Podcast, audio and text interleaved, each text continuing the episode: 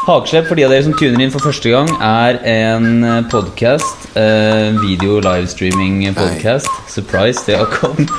Eh, for eh, hvor jeg rett og slett eh, Hvor vi drar inn eh, venner og bekjente som eh, inspirerer oss. Folk som lever ut av boksen, og eh, folk som på en måte ikke nødvendigvis eh, tar til takke med en, et ordinært, tolererbart liv. Og det er det Det er, for å si det sånn, det er det noen som har det eh, På en måte er det noen som lever utafor boksen, så er det deg. Du er et prakteksempel på det. Jo, takk for det. Og Jeg vet ikke om det er takk, men takk. Og eh, ønsk hjertelig velkommen til Jakob Løvstad. Jeg introduserte deg på Facebook som eh, MMA-utøveren Viking Striking og forfatter allround badass. Jo, takk for det. Jeg følte veldig press for å levere et eller annet når jeg så den introen der. Nei, men du veit. Ja, jeg vet. Jeg tror vi skal ha det koselig. Det går bra. Jeg føler det på meg. Kan ikke du eh, jeg vet, altså Det er jo første gang dere møtes i dag Ja. også. Eh, og jeg er ufattelig interessert i på en måte historien din, for jeg vet du holdt på med MMA lenge. Mm. Eh, og det er back in the days. Hvordan var det du starta med det? Og fortell om liksom, hvordan du kom til det Finn fight-greiene. Ja, all galskapen. Ja. Alt det som gjør vondt. Hvordan havna du oppi galskapen? Eh, akkurat når det gjelder fightingen, så begynte jeg faktisk med kampsport av 11 år gammel. Og så var jeg liksom sånn at jeg var hele tiden på jakt etter det som funket best. Ja. Så jeg har liksom vært igjennom det meste. Jeg har liksom trent Krav Maga i Israel. Og jeg har liksom vært rundt og trent alt du kan finne på de tradisjonelle kunstene. Sånn judo og taekwondo og alt det der. Men det var liksom alt sånn der Hva er det som funker? ja. Og jeg var sånn Jeg tenker jeg var rundt 17. Så kom jeg ned i en kjeller på Kampen Gym. Ok. Og Der trente en gjeng MMA. Eller på den tiden var det ikke MMA. Eh, Begrepet MMA fantes ikke. Vi Nei. kalte det valetudo eller eh, liksom free fighting. Ah. For det på den tiden så var det et helt annet eh, mindset. Altså Det var veldig mye færre regler. Det var ikke UFC som var vår greie primært. Det var filmfight, som sier, hvor man hadde både skaller og spark mot liggende motstander og hele den pakka der som ikke nå er lov lenger. da Og eh, og det var liksom og greit sånn når jeg kom inn her, så det liksom. ja, ja. Jeg vant jo finalen i Filmfight 7 med albuer mot eh, bakhodet. Å, herregud. Så det Jeg er glad jeg ikke er den som luner. Ja, Um, det er jo farlig. ja, herregud. Det er, altså, Men det er jo boksing også. Altså, jeg har det hørt er at boksing mye, er mye som er farlig Ja. her i verden. Og det er sånn, det er, jo, det er jo bare for de som vil. Det er ingen som tvinger deg til å gå inn der. Nei. Så mitt synspunkt er liksom at uh, når det er frivillig, og begge er med på det, Ja. så er det jo greit. Du sa liksom eh, Men så prøvde du å finne på en måte hele tida søkte etter hva som funker best. på en måte For det er mange Det er mange eh, martial arts, hva heter det på norsk? Kampsport. Kampsporter som på en måte bare er kunst, eller, Ja. men som ikke er mer Som ikke funker i den forstand? Det er, sånn? veldig, det er veldig mange som uh, tror at noe som ikke funker, funker. Og Ja. I sin tid så var jeg moderator på det som et kampforum. og Jeg måtte bare gi meg etter hvert, fordi det var eh, Det ble for mange diskusjoner av typen sånn eh, MMA eller fullkontakt generelt eh, mot type en eller annen obskur form for kung fu. og det er sånn Ja, for all del, det er kult å se Jackie Chan på film. Jeg har sett på Hongkong-filmer siden jeg var liten og syntes det var dritfett. Og jeg trente kung fu lenge også, men det er sånn ikke bland på en måte filmkunst da med en ordentlig fight. En ordentlig fight er grisete. Ja. Altså det er, eh, MMA er sånn en ordentlig fight med trente utøvere ser ut. Og eh, det er, eh, det er veldig teknisk. Når man kommer opp på høyt nivå, så er det kjempeteknisk og veldig krevende fysisk. Altså Vi trente tolv ganger i uken hardt. Og jeg liksom var typen som sto opp julaften morgen for å kjøre intervaller i snøen. Og sånn var det året rundt, liksom. Så det er kjempehardt. Ja. Eh, men en MMA-kamp ser selvfølgelig helt annerledes ut enn en eh, sånn greie du ser på en Hongkong actionfilm. Ja. Og det er en del som lever i en litt sånn snål verden hvor de tenker at det Jackie Chan og Bruce Lee gjør på film, sånn er det. Vi liker å kalle det julenissementalitet. Ja, det Men eh, ok, for å være delens advokat, på en måte er, hvorfor går noen på kung fu? da? Hva er det de tror? Hva er det de Hva er, det, hva er deres eh, Hva er det de skal mestre? på en måte? Hva er deres er, jeg ser det på to ting. da Altså Det ene er jo de som rett og slett er feilinformert. Altså Det finnes Ja. en del mastere såkalt der ute som bare liker å tjene penger på å selge en pakke hvor du liksom blir en dødsmaskin på tre uker med okay. kung. Og så er det rett og slett de som uh, kanskje tar det som en mer sånn uh, en, en kul måte å trene på. Ja. Og en måte å lære en del om Østens filosofi, og det er en del meditasjon og mye sånne ting. Ja. Og de som driver med akido, for eksempel, er stort sett den kategorien. Det er jo en, en, nesten bare en meditasjon i bevegelse med en annen person. Okay. Og det har jeg full respekt for. Det er helt fint. Hvis man trener for det, så er det kjempefint. Ja. Men uh, igjen, bare ikke bland det med sånn det er hvis du faktisk havner i en eller annen form for ordentlig kamp, da. Hm. Så alt er vel så lenge folk gjør det for de rette grunnene. Spennende. Ok, og så, ja, så begynte du å trene MMA når du var 17, da, i den kjelleren. Ja, og det var jo et litt annet miljø enn jeg var vant til. Jeg kom jo fra en del tradisjonelle kampsporter hvor det var veldig clean.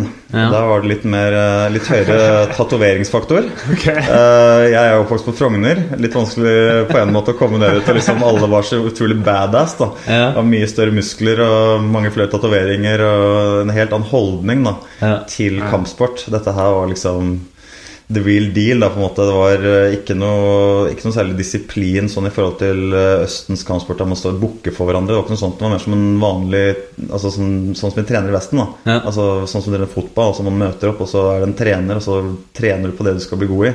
Ja. Og veldig litt dilldall. Ja. Og jeg fikk jo rett og slett eh, deng. Altså, jeg hadde jo allerede på det tidspunktet, tidspunktet trent i en syv år, da. Men likevel så var det jo bare, ble jo bare pakka sammen i en ball, liksom. Ja. Så da var det sånn ok Og da brukte de her- både striking og ground game, på en måte? Ja. Ja, Men eh, det var bare ja, det, det er en opplevelse å komme fra tradisjonell kampsport og så prøve seg på MMA. For det, du føler deg som et lite barn. Liksom. Selv om du har trent lenge, så føler du deg som et lite meningsløst barn som bare blir pakka i småbiter av en eller annen fyr som ikke engang veier halvparten så mye som deg. Liksom. Det spiller ikke noen rolle. Det er bare fordi det er realisme som møter illusjon, rett og Ja. slett. Ja, pluss at du alltid har vært innenfor et rammeverk. sant? Du har alltid holdt deg innenfor et regelverk av hva du har lov til å gjøre og ikke gjøre. Og det er jo friere der, da, kan du si. Og så har du plutselig noen som kan gjøre alt. Ja, og ikke minst så er det dette med bakkekamp. da I hvert fall Ja. For 90-tallet så var det jo nesten ingen som visste noe om å fighte på bakken. Nei. Du hadde det litt i judo, litt i jiu-jitsu, men det er en lang vei derfra til MMA-en og brasiliansk jiu-jitsu som er basen for bakkekamp. Mm. Det er bare Ja, det er teknisk på et helt annet nivå. Så det er, det er som jeg sier, altså allerede etter et år med mattrening så blir det det å gå kamp eller havne i bråk med noen som ikke kan fighte, Ja. det er virkelig som å håndtere et barn. Det er så mange åpninger og muligheter at det blir liksom bare dumt. da Det må jo ha vært ganske spesiell opplevelse å komme inn der og så tro at du på en måte har ting håndtert, og så bare Ja, Det er en veldig fin uh, egosjekk. Ja. Og det er, det, er en, det er en sport som er veldig vanskelig å trene og konkurrere i hvis du har et stort ego. ja. Altså De som gjør det, de, eh, hvis de taper en kamp, da får du ofte litt juling. Ja. Og hvis du da har et kjempestort ego på veien inn, da ja. så faller jo din verden i grus, liksom. Hvis du, hvis du kommer inn og ikke klarer det. Så det er virkelig sånn at du må bare legge en ego ved ytterdøren, og så gå inn i rommet og så bare akseptere at her kommer det til å gå begge veier. Altså Sånn er det bare. Huh. Altså bare gjør- Interessant, for det er jo, det du ser jo på UFC eksempel, så ser du jo det er mye test og ego ute og går, på en måte. Og Det er opp og ned. Ja, opp og ned, selvfølgelig. Men, eh, men du ser at mange av de bruker det. Det virker som de bruker det som en Se på Chael Sun, for eksempel. Da. Ja. Eh, Men det er som- spill for galleriet. Ja, det er Altså, nok det. jeg Ok, jo- best, Ikke best eksempelet, men allikevel er det ikke noe motivasjon eller noe driv å hente i ego i den settinga? Eller er det, hvor er det du henter motivasjonen din fra på en måte hvis du skal gå inn der og tenke Ja, ja, dette går jo begge veier, liksom. Nei ja. Nei, altså Det er en tosidighet. da Du har jo fightere som ikke er veldig reflekterte. ja. Og så er det altså, som sagt et spill for galleriet, fordi jeg har jo trent rundt i hele verden og trent med mange av de du ser på TV. Ja. Og eh, det er en veldig stor forskjell på å møte dem på, en måte, på matta og i garderoben og henge med dem og spise middag med dem. Ja. Og ha dem der, kontra den der pre-fight-intervjuet hvor alle Ja. skal virke som de har lyst til å drepe hverandre. Ja. Altså Flere av dem eh, liksom, har jo trent sammen også før de møtes i, i buret. Ja. Så det, er litt sånn, det blir jo litt spill, for det liksom ja, nei, Vi spiste jo sushi for en måned siden sammen, men nå skal vi fighte, for det sånn er det bare. Ja. Og da er det egentlig ikke så veldig mye bad blood, men du vil jo gjerne få det til å se sånn ut. ja, eh, det er nok veldig sant. De er flinke på det. Det Veldig flinke god markedsføring. Ja, men også er det som sagt veldig forskjellig. Altså, det er ikke alle fightere som er, uh, har mastergrad i filosofi heller, liksom. Altså, det, er jo, altså, det, er, det er veldig opp og ned hvor, hvor mye de tenker. For å si det sånn da Og de kanskje mer reflekterte fighterne må jo ha et veldig sånn, bevisst forhold til hvorfor de går inn der og, og slåss. Fordi Ja. de skjønner at dette er en risiko for egen helse. De skjønner at det er en god mulighet for å få juling. Alt det der er innebygd. De forstår at det er sånn. Og da er det selvfølgelig at du må ha en veldig god grunn til å gjøre det. Du må på en måte ha en god nok grunn innen deg Mm. til å si at dette her er viktigere enn min helse. Jeg må på en måte overkjøre mitt overlevelsesinstinkt, på en måte. Altså min selvpreservasjon må jeg sette til siden mens jeg både trener og fighter. Og så er det de som bare er sånn Oi, det er kult å slåss, og jeg, har ikke skjønt noen av konsekvensene av det. Altså bare gå inn der og slåss, liksom. Og den gjengen finner du også. Og på en måte er det jo lettere å være sånn, for da er det bare sånn Nei, jeg syns bare det er kult, jeg. Ja. Men uh, før eller senere så får du jo et møte med realiteten, da. For det, det er en sport der det er, liksom, det er 100% skaderisiko over tid. Det er det. Du, kan, Ja, ja. du må bare regne med at du må innom sykehus noen ganger i løpet av karrieren din. Sånn er det bare. Det er en ekstremsport. Hva er det verste du har blitt banka opp, liksom? I Åh, det er så mye. Nei. jeg bare tuller. Jeg har jo vunnet nesten alle kampene mine. Eh, men eh, en jeg syns var skikkelig, skikkelig kjipt, da Det var eh, en kamp jeg gikk mot en finne som heter Mika Ilmen. Det var siste gangen jeg gikk i tungvekt. For Ok. Jeg fant egentlig ut at selv om jeg er stor, så er jeg faktisk for lett til tungvekt. Mm. Altså Jeg går rundt på 100 til 105, da eh, og så kutter jeg til 93 for å gå lett tungvekt. Men de som Hvor mange går, dager har du på å kutte på kutte Nei, det? Seks uker pleier jeg å bruke. Seks uker? Seks uker. Fra 105 til 93? Eh, nei, da pleier jeg å gå litt i forkant, så kanskje 100 til 102 ned til 93. Okay. Så mellom 7 og 9 kilo, liksom. Ja. Men uh, det er jo et normalt kutt for en lett tungvekter. Okay. Men en sann tungvekter kan jo være jo altså, dritsvær. Sånn som når du ser de, mange av de beste tungvektsdivisjonen. Eh, Ben Rothwell og disse her, Tim Sylvia på, de, de, de har jo trent med, og de er jo 125 Du trener med Tim Sylvia? Hmm? Jeg trena med Tim Silvia. Trent med Tim Sylvia, trent med Ben Rothwell. Uh, Herregud, med- så sykt. Jeg har trent med de fleste navnene egentlig på et eller annet tidspunkt. Eh, trent med Alistair Overeem, Gilbert Ivel Når han var liten, eller når han var monster? Når han var i 93 kilos. Ja? Ja. Var det mange- sprøtt å se han nå, eller? 2002, liksom. Eh, ja, han har jo blitt litt mer biffkanter. altså, altså, selv da jeg møtte han sånn på Golden Glory Dette var faktisk da jeg hadde gått min første amatørkamp, så det var liksom virkelig back in the day. da Ok. uh, og jeg trente med Golden Glory, og allerede da så kalte jeg gutta på teamet hans for Mr. Muscle. Ja. Og han var jo ganske rippa og var Ja, på den tiden. Ja. Men nå er han jo bare Han ser ut som en okse, liksom. Så det er, det er helt Ja. Det er Det er ikke naturlig, for å si det sånn. Nei, det er det nok ikke. Og det er bare innforstått. Men han ble tatt for det nå for litt siden, gjorde han ikke det? Ble det? Ja, han ble, Han ble det. Mm. Men det skal sies at de fleste i tungvekt eh, Eller vet du hva, de fleste bruker et eller annet, altså. Ja. Eh, Men det er bare sånn hvor god du er til å, å skjule det. Så jeg var jo veldig sånn at jeg var veldig mot all form for doping. Ja. Men jeg merket jo at eh, det var derfor jeg trente så hinsides mye òg. Ja. For hvis jeg skulle vinne kamper mot disse gutta som brukte mye, så måtte jeg være ofte bedre på kondis. For Ja. jeg tenkte at ok, de hadde store muskler, men hvis jeg kommer ut i sånn tredje runden, Ja. så, så begynner det å bli min kamp, da. ja, ja. Altså Det andre var at jeg var veldig opptatt av teknikk. da Altså Det jeg lærte bort til mine gutter, var veldig sånn teknisk fighting. Veldig lite sånn slugging. Altså Det var veldig basert på I og med at jeg kommer fra litt sånn tradisjonell bakgrunn, så tenker jeg veldig Altså martial art. da Altså Grunnen til at du lærer en kampsport, er at du skal vinne mot oddsene på en måte med teknikk. Ikke at du spiser opp til å bli en hest, og så tar folk på ren force. Nettopp, ja. Men det er min filosofi, da. Og så er det mange som er enig med meg i det, selvfølgelig. Ja, ja, ja. Men du ser jo, ser jo Hva heter godeste? Brock Lesnar. Når han har fighta en runde, liksom. Da, Nå fighter ikke han lenger, da. Men Det var da så morsomt, Han trente også når jeg var på Militech. Uh, også morsomt å se det du snakket om i stad. Forskjellen på han liksom på TV-sending, hvor den er sånn helt der, liksom. Ja.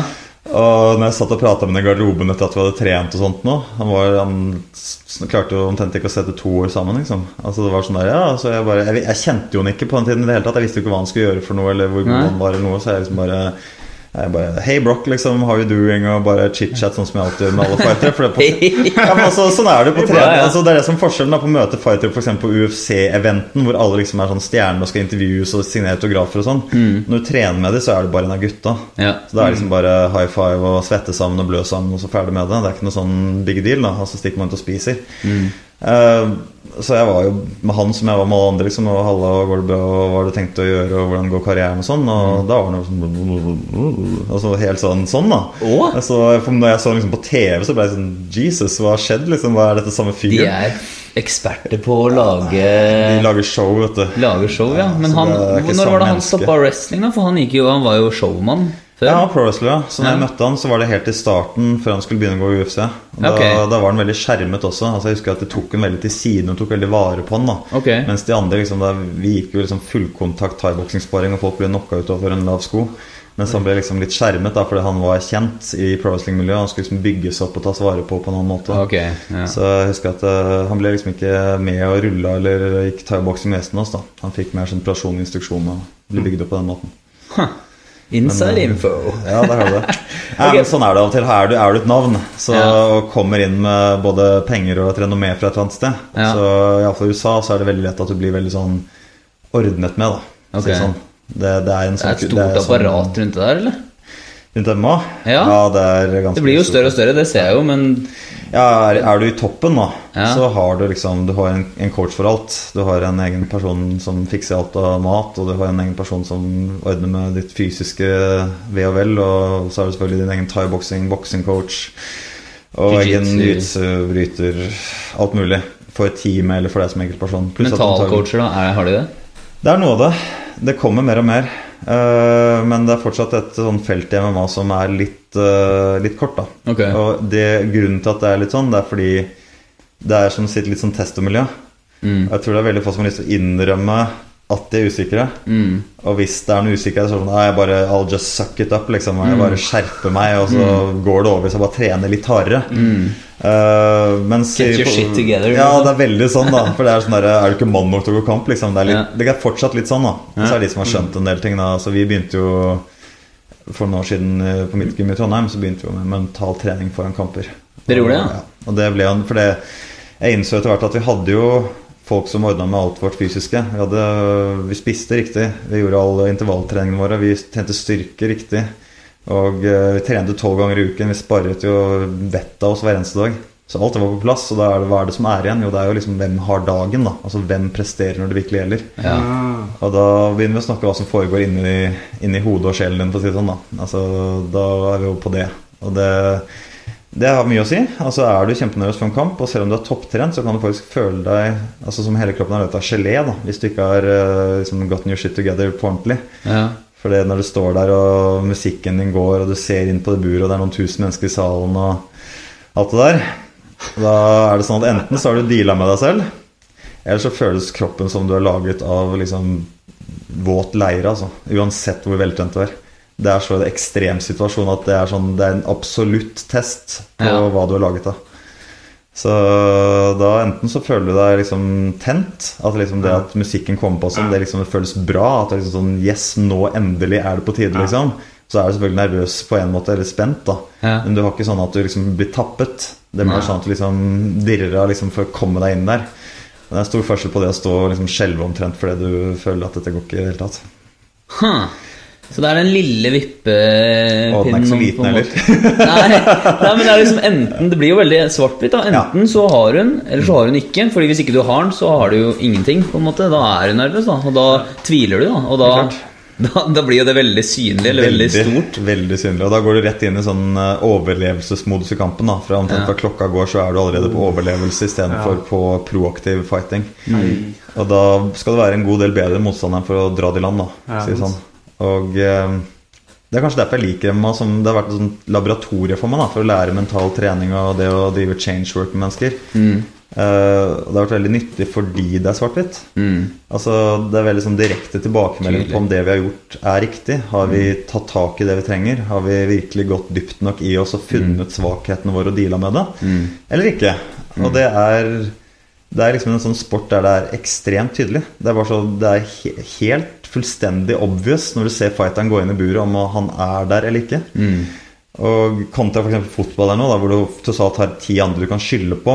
Og hvis du er litt kjip den dagen, så er det liksom sånn at det er fortsatt ti andre som kan bære deg. da Ja, for det er teamwork, ja. ja, så det er sånn ok, Hvis uh, midtbanestopperen er litt, litt uh, så som så den dagen, så kan de andre kompensere.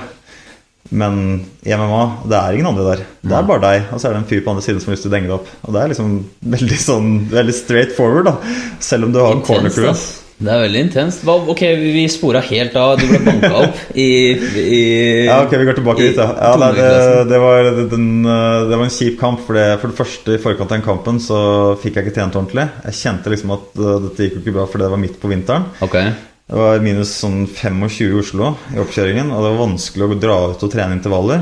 Og så, siden det var, Dette var jo forrige jul og under romjulen, som jeg skulle ha siste oppkjøringsdelen. Og da var det liksom Gymmet var stengt, treningsstudioet var stengt. Jeg måtte drive og prøve å løpe i de minusgradene og bare gjøre noe, liksom. Og bare håpe på et eller annet vis at jeg skulle klare det. Og så kom jeg dit, og det var jo helt obvious etter hvert at dette kom jo ikke Altså Jeg følte på meg at dette var ikke min dag, da. Det, da er det kjipt å gå inn der i, i den ringen da, når du vet at dette er ikke helt uh, din dag, da.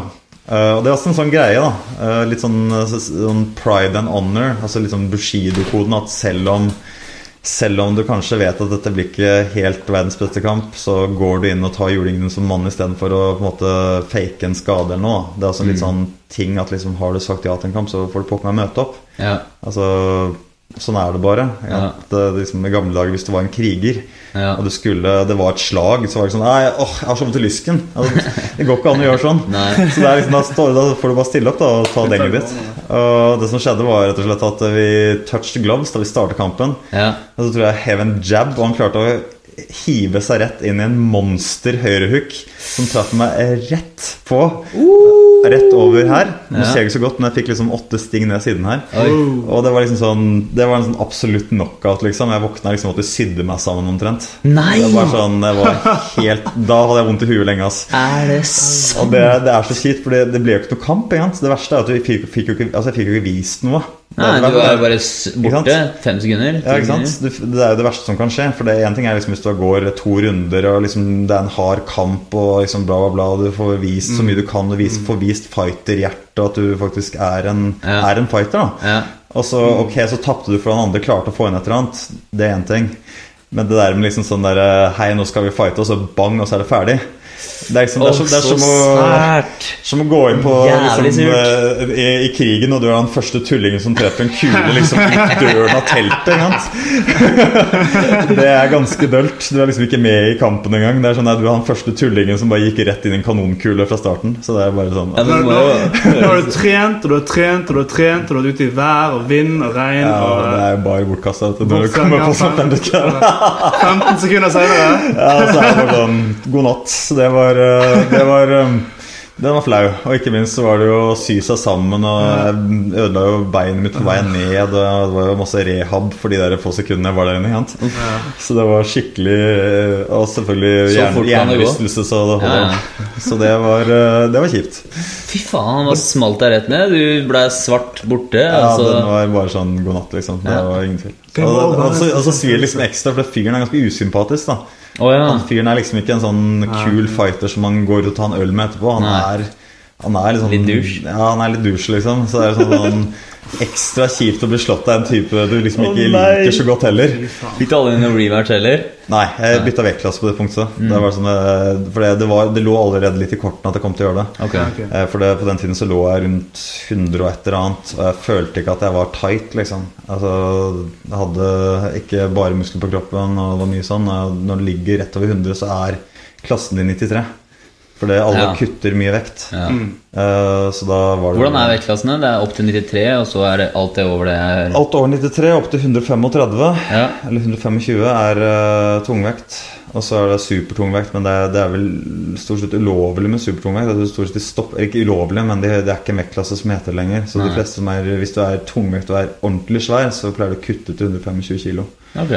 Og så under det så er det da 84, 77, 70, 65, 60, 55. Men det er ikke så veldig mange i de der mikroklassene. Det har er- kommet litt nå, da. Men eh, Ja, for nå er det så populært. ja, Men, så eh, nå begynner du faktisk å få noen utrolig kule fighter når du kommer ned i 60 kiloen også. Det kan jeg tro. Sånn Det er, noe, det er helt annen ballgame, da. På en Ja, det, det går så fort. Det går så fort at du omtrent ser det langsom film for å skjønne hva det gjør for noe. For det grapplingen og strikingen og at det går så jækla fort at jeg prøver følge med selv om du ser på TV og liksom bare nistirrer, så er det vanskelig å få med seg akkurat hva som skjer. En som er kjipt i vennklassen, er selvfølgelig at eh, det er ikke så mange stilige knockouts. da For selv om de treffer hverandre klokkerent omtrent, så, Så er det ikke så er det ikke så mye Nei, det er ikke så mye Altså, Det er forskjell på en fyr på 135 som treffer deg, da, og en fyr på 60.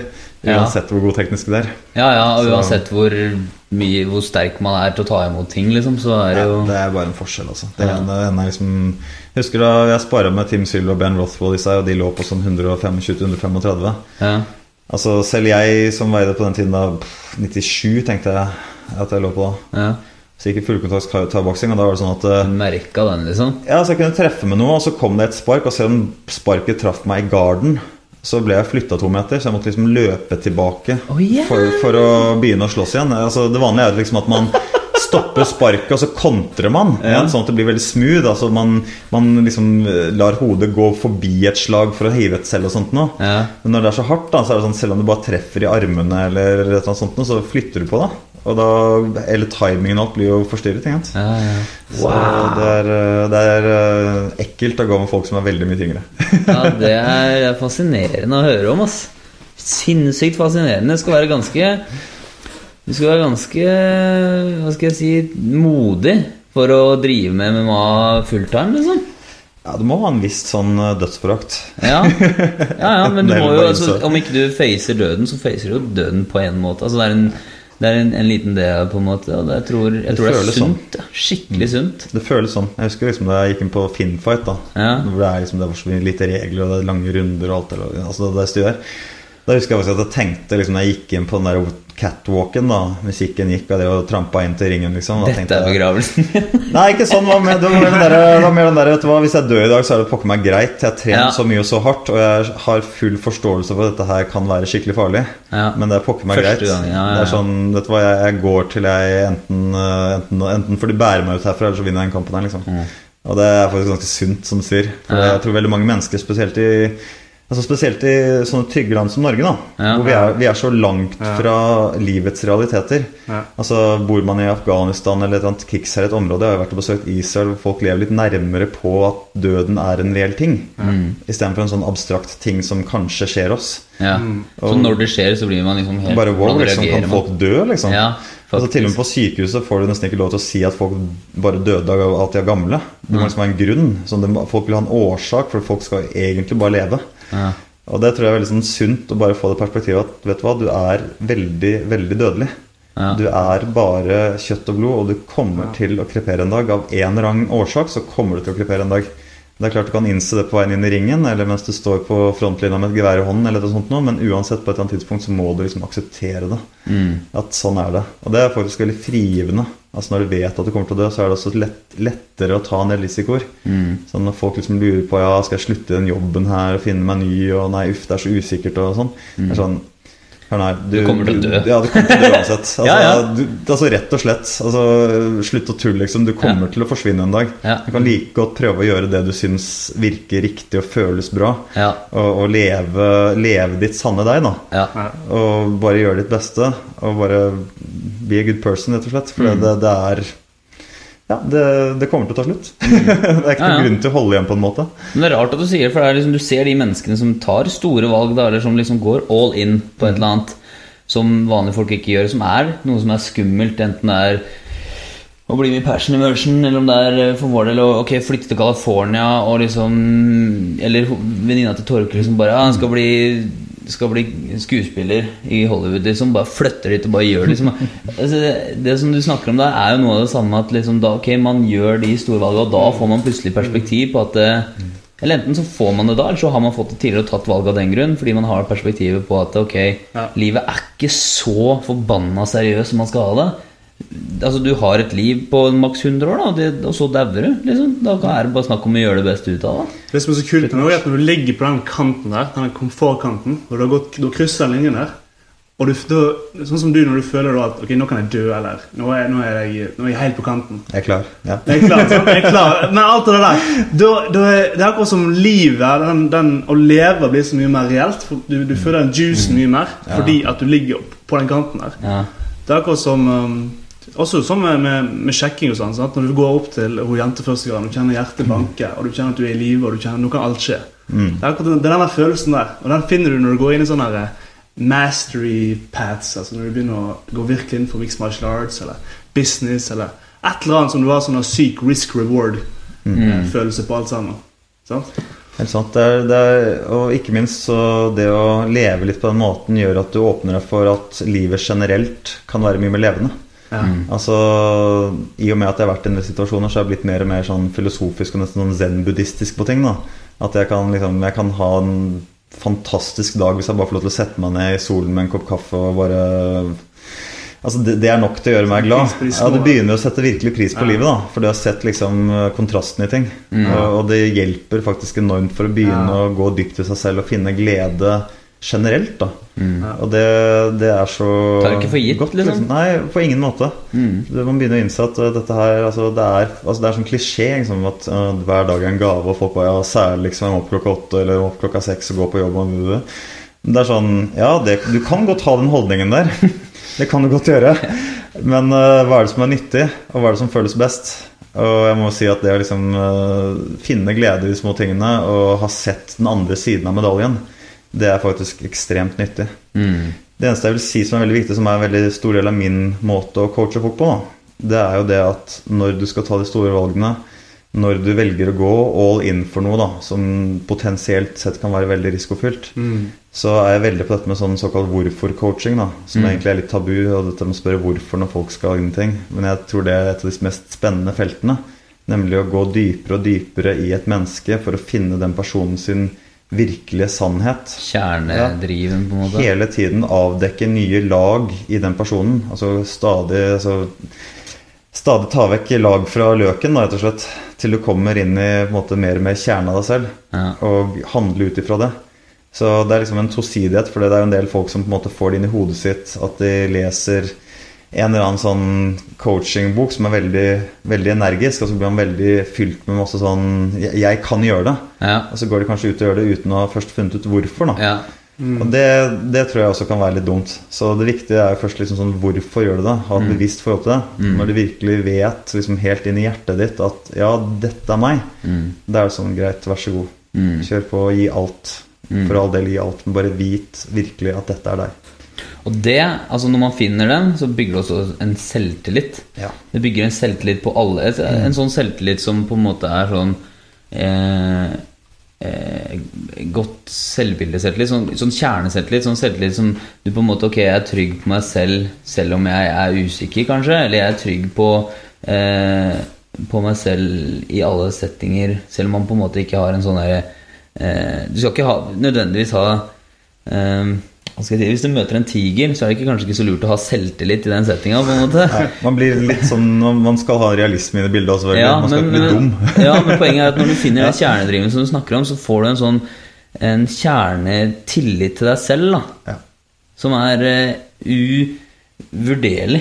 Mm. Det er helt sånn her eh, når, du, når, du, når den dagen kommer du får det gjennombruddet, når du har klart å gått gjennom noen løklag, på en måte, Mm. Ja. og det gjennombruddet kommer, så er det et gjennombrudd som står der og varer og er. Mm. Det er en sånn herre En greie som blir, for du går jo ikke Du kan ikke på en måte lære bort noe du har lært. Eller hvis jeg skjønner jeg mener Du kan miste deg selv hvis ikke du holder på det, men da på en måte har du det. da Det er Ja, sånn her, det er sånn Når du vet, så er det vanskelig å u, altså avbite Ja. den. Når Ja. du først vet, og du Ja. vet at dette her er virkelig meg, Ja. så det fins egentlig ikke noen vei tilbake. Nei. Det eneste jeg sier, er liksom at uh, du må tåle sannheten når den kommer. da Ja. Fordi i sånn, hvis vi går litt i sånn historikk og filosofi, så er jo sverdet symbolet på sannhet. Mm. Altså Når du ser på sverd i malerier, og sånt nå, så er det ofte liksom den metaforen er sannhet. Okay. Og så sier man ofte at uh, sverd har to sider. Ja. For det idet du på en måte skjærer ned med sannhet, da, og skjærer ned i dypere lag i deg selv, f.eks., så er det en viss sånn en greie som også skjærer i deg på en annen måte. Altså det er to egger. Og smerten er jo det at når du går dypere i deg selv og finner ut sannheten, Mm. så lukker du de dørene som ikke er sanne. Og de luftslottene du har, forsvinner jo. Mm. Fordi man liker å bløffe seg selv litt. Mm. Man liker liksom å lage noen tanker om Men kanskje jeg kan være sånn. Kanskje jeg egentlig er sånn. Mm. Dem, alle de bløffene, alle de der eh, livsillusjonene forsvinner jo. Mm. Til fordel for da selvfølgelig det som virkelig er deg. Mm. det er enorm kraft i det, men Mm. det er også en litt smertefull prosess. Du må, liksom, du må tørre å ta den der eh, painen for å komme i de mål. Jeg tenkte på ut av skapet-posten din med, når han snakka om det. Knut eh, skrev en bloggpost back in the days på bloggen min. En gjesteblogg. days. Back in the days. eh, hvor han på en måte eh, brøyt Altså på en måte inn Hva skal jeg kalle det? Kom ut av skapet. Eh, brøyt ned alle liksom eh, falske maskene han hadde gått med hele veien, og så bare var, her, var helt ærlig og fortalte hva du gjorde. Danmark og liksom Til alle sammen, på en måte. Altså Man har gått og ljugd til hele veien. Mm.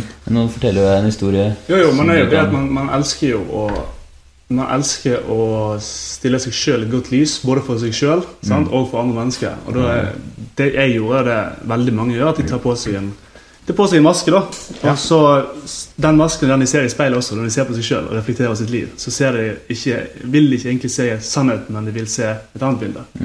Så det jeg gjorde, var at jeg løy jo ikke bare for andre om ting, men jeg løy Jeg sa den løgnen så mange ganger at jeg trodde på den sjøl.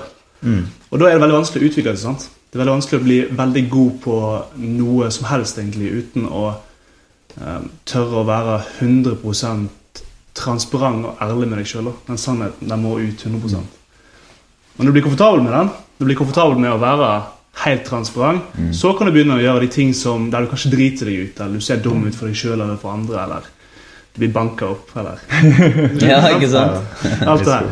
Men uh, det er helt riktig, det er et veldig godt poeng. Uh, jeg mener jo, etter hvert i hvert fall, at eh, det å finne virkelig styrken i seg selv, og sannheten i seg selv, det leder faktisk til å tørre å være sårbar. Altså, Ja. sted, altså mange misforstår det. det liksom, tror at sårbarhet handler om å være den som eh, Svak. Ja, svak, ja. Mens det å være sårbar handler jo om at du, du klarer å være helt åpen og så ærlig du kan med deg selv og andre. Og ta de støytene det kan medføre. Fordi, ok, Du snakket om f.eks. sjekking. da. Det er klart at du kan sette på masken og fremstå som mye rart. Mm. Eller du kan gå bort og egentlig bare 'Dette er meg'. Ikke på en stakkarslig måte. Ikke sånn der buhu, dette er meg, men altså dette, dette, ja, men altså Det er de som gjør det også. Det er de som misforstår fullstendig. Da, ja. De, de blir sånn der, ja, altså de går ut og liksom blir sånn selvmedlidende. Da, sånn, dette er meg, liksom. Men altså det er bare det å være, være um, altså kalibrert i sin sannhet. Og så går man bort og, og, og sier liksom 'Dette er meg, og dette er det jeg mener'. Dette er det jeg føler i mitt hjerte. Og hvis du gjør det ordentlig, så er det klart at det er jo alltid en risiko for at det ikke blir tatt godt imot. Mm. Og det er den risikoen man løper. Mm. Og det er der styrken ligger. Fordi det er nettopp det at du er villig til å ta den, Mm. som gjør deg sterk. Mm. Ikke at du prøver å gjøre en maske, ikke at du prøver å være selvmedlidende og selvunnskyldende, men bare liksom 'Dette er meg'. På godt og vondt. Beklager eller gratulerer. Dette er meg. Ja, jeg er helt med på det, det du sier. Det var, jo, det var jo akkurat det som skjedde med Som skjedde med meg også, og med våre klienter òg. Er jo det at når de først går over den streken, eller hva du skal kalle det, først krysser den linjen der, så begynner folk med en gang å bygge mye mer autentiske forhold med andre mennesker også. Fordi at ja, Jeg kan si mange grunner til det, men også fordi at end, altså endelig så, så møter den andre personen da Møter en person som virkelig er den han, han er. 100 Og da tør også andre mennesker åpne seg opp for deg igjen. sant? Andre ja. Mm. Så det ga en sånn to så Det ga så mange det var, På så mange plan så endra det fullstendig alt. Mm. Det øyeblikket der. Det var, det var veldig fort gjort, men det endrer alt. Helt klart. Og etter det så går veldig mye av seg selv òg. Ja. Det liksom, du, du, du trenger liksom ikke metoder og strategier og sånn lenger, for det er bare sånn Du står støtt. Mm. Og de menneskene, både av gutter og jenter, som liksom fascineres eller liker deg på et eller annet vis, de, de vil være der. Mm. Og igjen, de liker jo da det du virkelig er. Og det er rom for å danne dype, gode bånd. Som ikke er liksom tuftet på dårlig grunnmur. Sånn. Mm. Det er en helt sånn helt ærlig, genuin sak. Ja, det er helt magisk når man kommer dit. For, for, for meg også så var det veldig Det var veldig svart-hvitt. Det gikk tre måneder, liksom. Eh, hvor på en måte jeg hadde det gjennombruddet vi snakker om nå. Hvor, jeg, eh, hvor jeg gikk fra å fry... eh, Altså, det, det blir jo et fryktbasert liv, nesten. da For Man går rundt og er redd for at noen skal buste deg for den du egentlig er. Eh, til å på en måte allerede hva skal jeg, allerede buste seg selv før noen kan gjøre det. Hvis du skjønner hva jeg mener? Ja. Akkurat det som vi snakker om nå. Det er ikke noe å ta deg på. Du, du er jo bare deg. Ja, og da er det, da er det bare Come get me. Da kan du på en måte Da er det en sånn frihet at du føler du kan gjøre hva som helst. Da. Mm. det, for meg var det liksom aha-opplevelse. Altså, tre måneder så hadde jeg på en måte rula ut alle som falske venner og eh, tiltrukket så mange genuine ektevenner og på en måte fått bedre forhold til familien, bedre forhold til alle rundt meg, venner og sånn. Det, er- det er noe magisk med det. ass. Det er kult at det, det er utrolig kult å se på en måte at eh, de menneskene som vi tar inn i Hakeslepp her, har på en måte ofte, veldig ofte den samme konklusjonen. Det er veldig ofte at måte de har jo tatt har tatt massiv handling. De har turt å hoppe i det. De har turt å, eh, å se om de kan skape noe. Og så da, hva skjer da? Jo, du lærer de tinga. Du får de gjennombruddene, og du finner mer og mer din egen kjerne. Og hva, da, man sitter igjen med på en måte de samme aha- aha-opplevelsene bare gjennom forskjellige eh, veier. da Man har funnet det på forskjellige veier. Det er utrolig, det er utrolig kult å høre du si det. liksom Det er bare sånn derre Ja, Ja, sånn er det. det kan du sette pris på. Ja, men det er litt sånn, altså, for all del. Og det er jo kanskje mange som tror, som dere også kommenterte, at nettopp at at i et hardt miljø som en mann kan være, da, at liksom, mm. dealen er å være tøff. Men igjen, da, det er jo i sannhet deale med sine demoner som funker bedre Mm. enn å fake det. Sette på masken. Hvor, hvor viktig er det som vi snakker om nå? Vi snakker jo, nesten, vi snakker om Vi kan kalle det for inner game. nesten. Ja. Hvor viktig er det i, i f.eks. mixed martial arts? da? Hvor viktig er det eh, i forhold til å kunne lykkes med den sporten? Jeg tror at uh, de som er liksom aller best, og bl- forblir aller best, Ja. de er nok fightere som tenker en del. Og for at de skal klare å fungere, så må de gjøre disse tingene her. Som jeg sa i stad, er du den personen som går ut og bare brawler og har ikke noe større forhold til det, Ja. så kanskje det går greit på et vis. Ja. Men uh, da tror jeg heller ikke at du vil være aller best. Nei. For hvis du virkelig skal være aller best, da må du da må du faktisk inn i disse greiene her. Du må begynne å jobbe med deg selv. Du må begynne å forstå en del ting som er utover den derre 'jeg bare slåss'. Så det, ja, det er liksom de litt mer sanne krigerne. da. Hva er den beste kampen du har vunnet, da? Den som har føltes best? Sykeste kampen. Den eh, kuleste er vel mot uh, Valton. Ok. Den føltes best. Og det var ganske kult, for hele dagen så hadde jeg vært ute og coacha mine fightere. Det var et, det var et uh, amatørstevne på dagen. Så jeg coacha tre av gutta våre.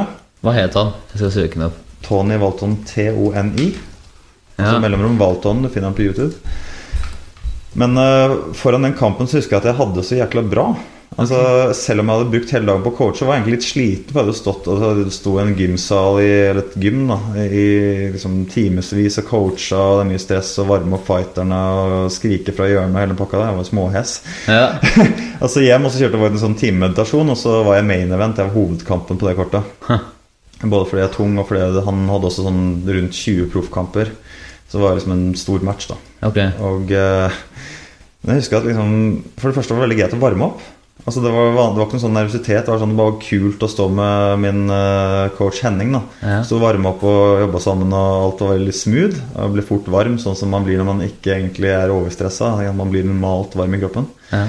Og så tok jeg på meg stillongsen og la meg ned for å sove. Og alle andre fighterne på arenaen drev og løp rundt og stressa og slo. Jeg hørte noen sånne høye lyder fra liksom utenfor døra til, til, til um, garderoben vår. da Vi fikk en egen garderobe, så vi liksom hørte bare alt bråket fra de andre. Okay. Og da er det sånn typisk sånn harde slag i pads og folk som skriker og veldig sånn mye styr, da. Ja, ja. Jeg husker liksom at jeg bare lå der i stillongsen min og så ut som en tulling, selvfølgelig. Og halvsov på matta da, inne på roberommet. Og så kom journalist inn for å ta bilder og sånn, da. Og jeg så ikke noe kul ut. Jeg lå der i en blå sånn der Matshus-stillongs, sånn gammel, utvaska hoodie da, og ble tatt bilde av. Og, men det var liksom, det var helt greit. Det var helt kult. Eh, Det var liksom helt uviktig. Og så husker jeg da jeg skulle inn i, inn i buret, så følte jeg meg så ufattelig ladet. Det var som om bare alt bare traff akkurat riktig. Og jeg liksom dro med meg publikum og fikk dem til å klappe meg inn i ringen og gikk inn til Sharpest Lives med Chemical Romance. Og det var bare så Jeg var så høy. Og jeg følte meg så genuint glad og spent og klar. Når jeg gikk selve kampen, altså dette er en person med 20 proffkamper og vunnet mesteparten og ansett som en bra fighter. da Ja. og det var seriøst som å gå mot en nybegynner. Altså, alt han gjorde, bare Han slo i lufta. Han klarte aldri å treffe Er det meg. sant? Jeg kan se kampen selv. Det er, uh, altså, dette er en mann med masse erfaring, og det bare føltes lett. Det føltes liksom helt sånn flow og easy. Så det var skikkelig sånn Skikkelig sånn nirvana-opplevelse i en kamp. da Herregud, så gøy. Det er noe med at det, liksom når, ting, altså når det klaffer, så klaffer det veldig. Det Når du gjør det riktig, så er det bare sånn Du bare vet. Altså, Hva bare... tror du var forskjellen, da? Hovedforskjellen på de to, liksom? På den dårligste og beste kampen? Ja, det er sikkert mye, da. Men Det er mye rart. måte- Det er forskjell på alt, egentlig. For Ja. Den ene kampen gikk jeg tungvekt for mange mange år siden. Altså, okay. Etter det så fikk vi mye bedre struktur på alt, egentlig. Vi fikk vårt eget gym, og vi fikk liksom profesjonelle coach på mange områder. Og Mm. vi jobbet både mentalt og fysisk, og jeg begynte å meditere, og liksom alt var på plass, da. Og så gjorde jeg liksom en perfekt oppkjøring. Jeg husker jeg var veldig nøye på at jeg faktisk gikk litt ned i treningsmengde. Jeg pleide å trene sånn tolv ganger i uken. Jeg gikk faktisk litt ned, for jeg mente at ok, jeg trenger mer mentalt overskudd og ro over meg. Jeg trenger ikke å være helt utkjørt. ja. Så ofret litt fysisk trening for å ha litt mer eh, overskudd på andre områder. Og var veldig nøye på liksom hva som foregikk inni meg. Hm. Og det funka veldig bra. Så, sånn. så det var veldig bra. Og så kom jeg også, det skal også sies at den kampen, da kom jeg faktisk tilbake fra en seriøs kneoperasjon. Okay. Så det var liksom sånn, Jeg hadde litt oddsene mot meg, sånn, men likevel så var det Det føltes bra likevel. altså Det var skikkelig sånn freaky, for det er sånn tre måneder ut av en operasjon, og likevel så bare ble det perfekt. Det er fascinerende. Det er utrolig fascinerende. Har du lov til å bette på deg selv? Hmm? Har du lov å bette på deg selv? Ja, det har du vel, egentlig. Eh, eller jeg vet ikke, uansett kan du få en venn til å gjøre det. Men eh, Ja. nei, jeg, Ja, det er jeg, jeg har alltid gått på det der pride and glory-prinsippet. Eh, Ja. Litt pengeorientert. Altså, du får jo penger for å gå matcher. Men eh, alltid vært veldig sånn Du går fordi du vil bevise at du er en kriger. Og de trenerne jeg har hatt opp igjennom, da har vært veldig sånn Bushido-orienterte. Ok. Og det, Hvis jeg skal si noe, så er det kanskje noe jeg har litt imot dagens MMA, da, hvor alt er liksom sponset av Bud Light og Harley Davidson, og alt er veldig sånn ringdamer og pupper og lår. Og liksom sånn. For meg det er ikke det det handler om. da Det handler om liksom å bevise seg selv og det å liksom utvikle noe inni seg selv og finne ut av seg selv på forskjellige måter gjennom en kamp. Mm. Eh, kontra det å ha et image og virke kul og gå med de rette klærne. Farge og håret hår og Ja, bare... Så det har aldri vært min greie, da. Men uh, det, det, har blitt gamen. Og det kule med det er selvfølgelig at folk får mye mer penger og bedre sponsoravtaler og alt det der. At det vokser, liksom. Sporten. Men jeg savner jo selvfølgelig litt den der uh, Jeg som er gammel, vet du. Jeg savner litt den der Litt garasjefightinga, liksom. Ja, den litt sånn derre Vi er her for å finne ut hvem som er best. Og det gjør vi til enhver pris, liksom. Og det er, ikke det er ikke så mye taktisk, men det er mer sånn for the honor. Ja, ja, ja. Så den, sånn vil jeg nå alltid være. Jeg er veldig sånn prinsipp over det meste, egentlig. Så det, da, det er litt sånn Det er utrolig fascinerende. Det er veldig, veldig veldig fascinerende altså, å høre på en måte hva som, hva som kreves av et sånt Men det var yrket ditt, da? Ja, eller jeg er også utdannet sivilingeniør. Ja. Så mens jeg holdt på å fighte, så tok jeg først masteren min i datateknikk, altså sivilingeniør. Okay. Og så begynte jeg å forske. Eh, Så jeg forsket på, på kvantitativ modellering av ytelsesvurdering i evolusjonær systemutvikling. Oi! Så, Selvfølgelig. selvfølgelig. Men var det samtidig som du fighta? Ja, så jeg jobbet som stipendiat ved NTNU og underviste ved universitetet mens jeg, mens jeg gikk kamper. Så det var ganske, det var liksom litt spesielt, for på universitetet så var jeg han fyren som gikk rundt med blåmerker og blomkålåret. Og i, liksom, i mer sånn sportsklær og sånn. Mm. Hvor kanskje resten ikke var så opptatt av trening i det hele tatt. Nei.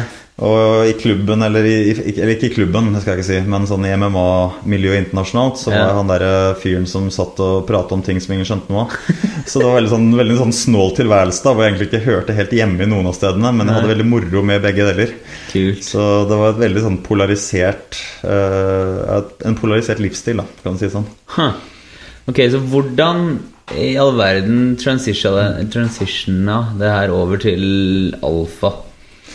For jeg møtte deg første gangen når jeg bodde i Lace Lounge i Arvids gate i Oslo i 2007 eller 2008. Stemmer? Ja. Og det var liksom bare Da var det bare Da visste ikke jeg om MMA engang. Ok, ja, men det er bra. Da fikk du lært litt om det. Ja, ja men ikke sant? Så det var Det er en ganske festlig historie, egentlig. For vi kom nok inn på en litt annen måte, det miljøet jeg var i. da Ja. Altså, Jeg har egentlig aldri vært del av på en måte, det norske pickup-miljøet. Jeg har aldri vært del av noe forum og sånt noe. Ehm, på godt og vondt. Jeg kunne sikkert ha godt av en del av de rådene som kommer opp der. Altså, kanskje på godt fordi jeg ikke ble affisert av det. Mm. Men uh, det er sånn er det alltid, at det er positive og negative sider. Men um, greia da var vel at altså, vi kunne jo ikke drikke. Nei. Og vi, vi, vi brukte jo så utrolig mye tid på trening. Ja. Men så samtidig er det sånn at vi vil jo gjerne ha et liv òg. Ja. Vi vil jo gjerne Altså, vi er gutter, selvfølgelig vil vi møte jenter og, og ha, ha kule relasjoner. Og, og på en måte kunne gå ut og være sosiale, da, selv om man ikke er på den der eh, drikke- og spy-kulturen. Mm. Så dette var eh, Det er kommet til et forhold også, så det var en kompis som tipsa om The Game opprinnelig. Mm. Og resultatet av det var at vi var et, en gruppe med profesjonelle fightere.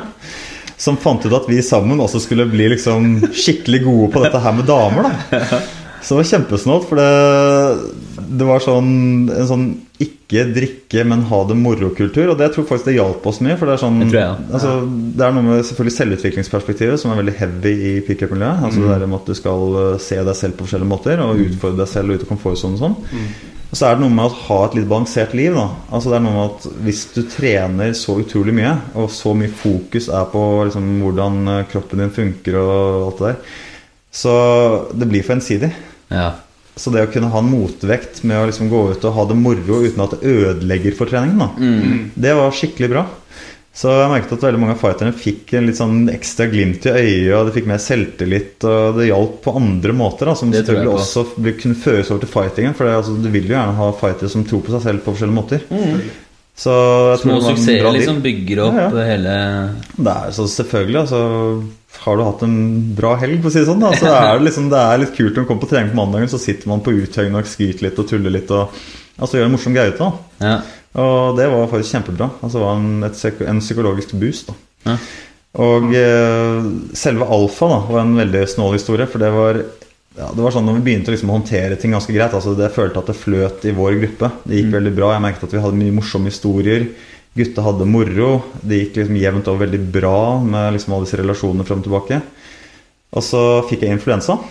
Ok.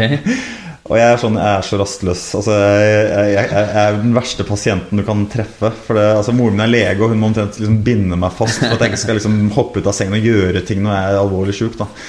Men uh, resultatet av den influensaen var at jeg fikk jo ikke gjort noe. Altså Jeg var skikkelig dårlig med feber. Jeg, kunne ikke, jeg fikk ikke gjort jobben min, for den krevde jo liksom at jeg gjorde mye matematikk og sånn, som var ganske krevende. Ja. Og jeg kunne ikke trene, selvfølgelig, for liksom det kjører makspuls i en influensa. kan du bare glemme. Ja, ja, ja. Så jeg liksom satt hjemme bare Hva i all svarte skal jeg drive med? Så jeg begynte å skrive bok. så hele Alfa ble til under tre uker da jeg lå med influensa. Jeg skrev 200 Nei, vent, da. Under de, under de tre ukene Under de tre ukene så skrev jeg 180 av fire sider. Wow. Og så skrev jeg de siste 40 av fire sidene sånn i etterkant på liksom en måned. Bare sånn finpussen. Og så hadde jeg egentlig ikke tenkt å gi den ut heller, for jeg, jeg gjorde det bare for gøy. Jeg satt på MSN med gutta og tulla og liksom Sjekk dette avsnittet her, var dette morsomt, liksom? Og så lo vi av det. Ja. Og greia var egentlig bare å ha en liten sånn state of the art for gutta. da liksom. Bare sånn Ja, ja. vi kunne se litt på, som bare liksom sånn at vi var enige om hva vi egentlig holdt på med. Og så har jeg en kompis som heter Magne Gisvold, som uh, frilansjournalist. Og, eller han var det. Og, og han sa liksom uh, Han var liksom også en sånn fyr som alltid hadde litt drag og sånt. Nå er han gift med barn og alt dette, men han var jo populær i sin tid, sier det sånn. det er han sikkert fortsatt, men han er trofast. Men uh, han fikk jo se manuset, og han var sånn liksom Dette må gi ut. Dette er jo kjempemoro. Og så sa jeg ok, jeg har noen ideer? Han bare sånn Ja, Kagge forlag. De er veldig der. De gir ut sånne, sånne bøker, liksom. Okay. Så en fredag så sendte jeg manuskriptet. Eller først ringte jeg og sa at nå sender jeg et manuskript til dere. Ta en kikk på det. Og så fikk jeg en bekreftelse. Og så gikk det en time eller to, og så fikk jeg en mail til. Eh, ikke vis dette til noen. Vi gir deg beskjed på mandag. Så. Mandag morgen fikk jeg beskjed at denne boken er akseptert, og begynte arbeidet med å gi den ut. Var det mye fram og tilbake med forlaget? Eh, ja, det er det alltid, vel. Ja. Eh, for det er uansett hvor kul boka er, og alt sånt, så Ja.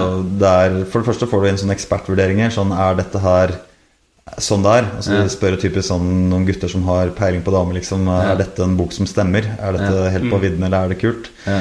Eh, og så er det jo språksjekk Mm. og omskriving og mye sånn. Og så kutta de ut hele seksualitetsdelen. For egentlig Alfa hadde jo også uh, La oss si 40 av fire sider om eh, liksom det det, tantriske ja. og hypnotiske og Fordi det ikke er i samme nisje følte de da? Ja, de var liksom sånn at uh, la oss holde det spesifikt. Ja, Altså, ja, la oss lage en bok som handler om dette med alt fra, til liksom, alt fra liksom hilse på en jente til uh, det blir intimt. da så det andre får liksom ta en senere bok eller noe sånt noe. ja. Og egentlig så var det litt greit, fordi Altså, veldig kult å gi ut den boken, men den er sånn akkurat passe på kanten til at liksom folk syns det er litt kult, litt harry, Og samtidig så er det greit. Ikke sant? Ja, ja, ja. Men øh, Det er hvis innenfor, på Ja, det, er- det er innafor.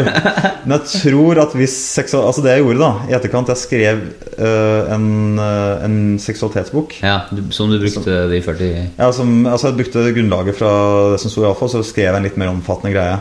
Og så tenkte jeg lenger frem og tilbake og snakket litt med forlaget og snakket med kompiser, og så fant jeg vel egentlig ut at ja, ja, det funker.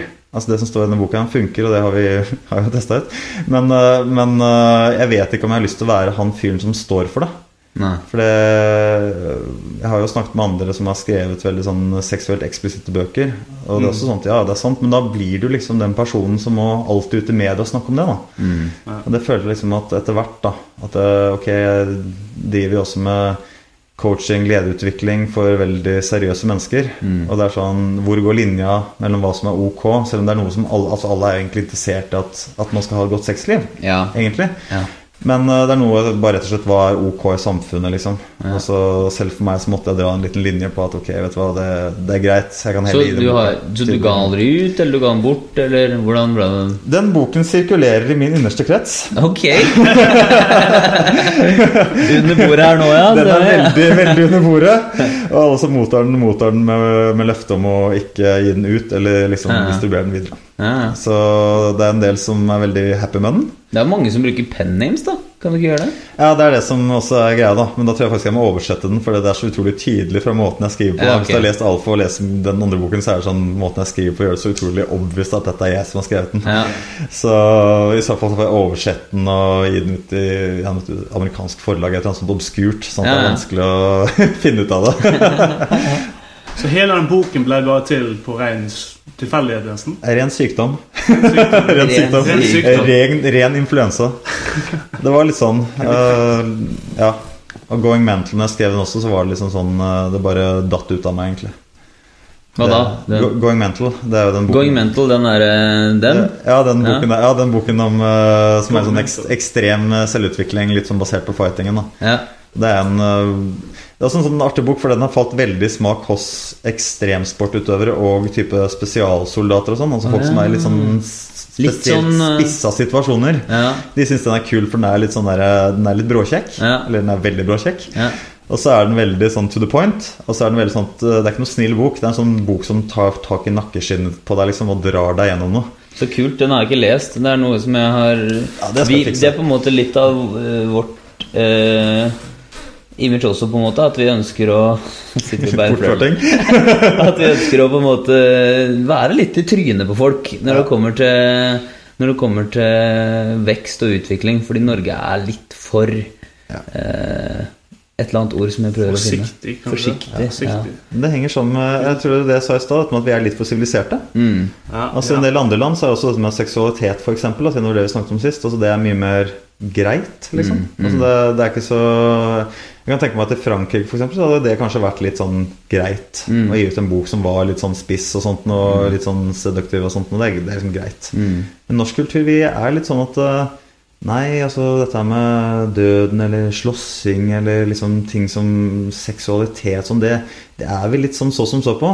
Eller vi er veldig tosidige på det. Altså Enten er det sånn Paradise Hotel at alt er lov, det er bare å drikke seg helt fullstendig til du svartner og så ha sex på et hotellrom. At det er helt sånn dumt, liksom. Eller så er det veldig sånn Nei, dette snakker vi ikke om. Det er liksom Mens det jeg føler, da, at, øh, at det Jeg er kanskje litt sånn tradisjonell. Altså, jeg føler liksom at uh, vi har mistet noe på veien, da, som er veldig essensielt. Eh, litt tilbake til kanskje den spirituelle måten jeg tenker på livet på. At uh, både dette med å møte potensielle partnere og det seksuelle og alt, det er liksom Vi har mistet litt av det derre litt sånn hellige ved det. Det høres litt dumt å si det sånn med det ordet. Men liksom det at det, det kan gjøres som noe som skaper mye energi, og som gjør at begge menneskene går ut av det med liksom noe nytt i seg. Og, og, Noe magisk. ja, noe magisk, altså At det er litt spesielt, da. For det enten så billiggjøres det veldig, altså liksom som det er pornografisk eller Eller så blokkes det på en måte. Ja, eller så blokkes det. Så det er liksom de to sidene. Enten så er det som det anerkjenner ikke, eller så er er det veldig sånn billiggjort. Ja. Uh, mens liksom Igjen da, i litt sånn østlige tradisjoner sånn, så finner du liksom mye mer dybde i det. Ja. Altså mer f.eks.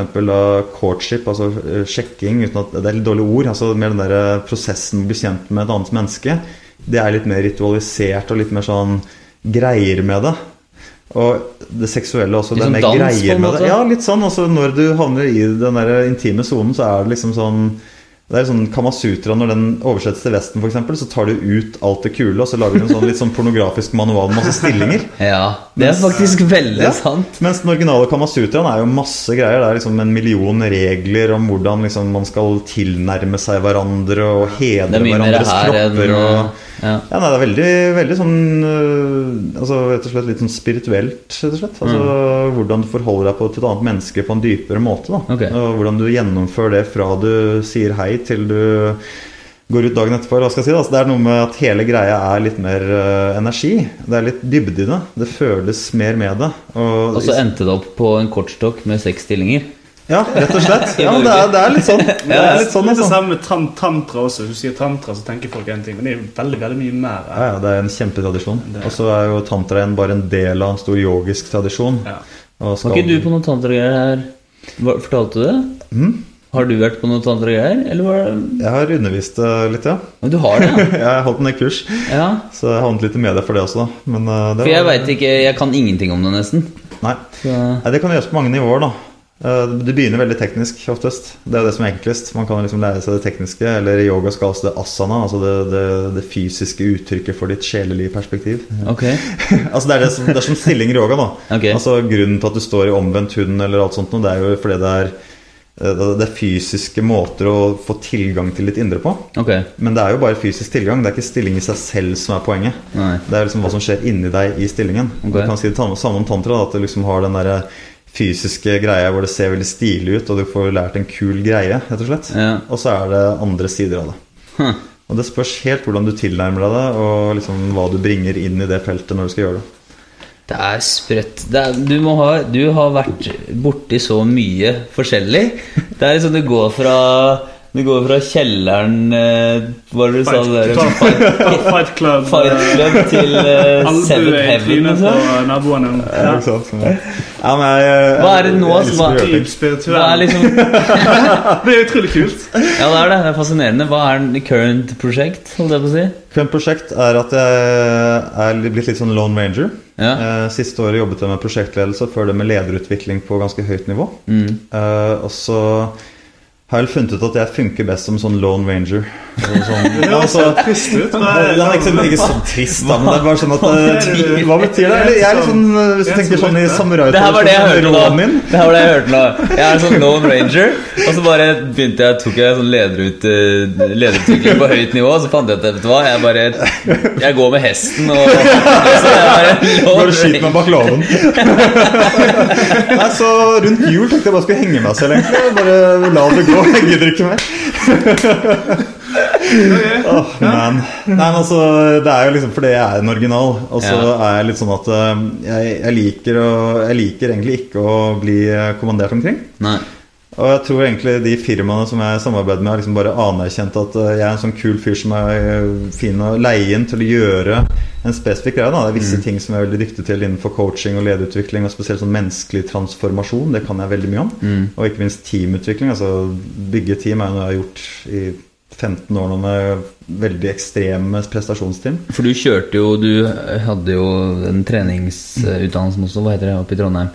Nei, utdannelsen eh, Senteret. Treningssenteret. Ja, jeg eide min egen klubb i, i ti år. Ja. Trondheim Fight Gym. Ja. Det var også det første ordentlige MMA-gymmet i Norge. Ja. Vi hadde eget bur og egen ring og hele pakka. Det det var skikkelig bra utdannet veldig bra fightere. Og det jeg syntes var kult, at vi, vi utdannet liksom alltid underdogs. Altså Folk kom fra de mest usannsynlige bakgrunnene. Og liksom Og noen- finne mening, på en måte. Ja, altså, men noen av dem hadde jo ikke anlegg i det hele tatt egentlig til å drive med fighting. Og det var det som var kule. Vi klarte å sette sammen en pakke der liksom vi fant en eller annen måte for dem å vinne på likevel. da Ja. Jeg husker at uh, altså En av gutta den kom jo, han kan ikke sparke. Han kan fortsatt ikke sparke over knehøyde omtrent. Men vi fant en annen måte å vinne på for han. da Ja. Altså Vi fant liksom ut at ok, han var veldig sterk mentalt, så vi bygde på det.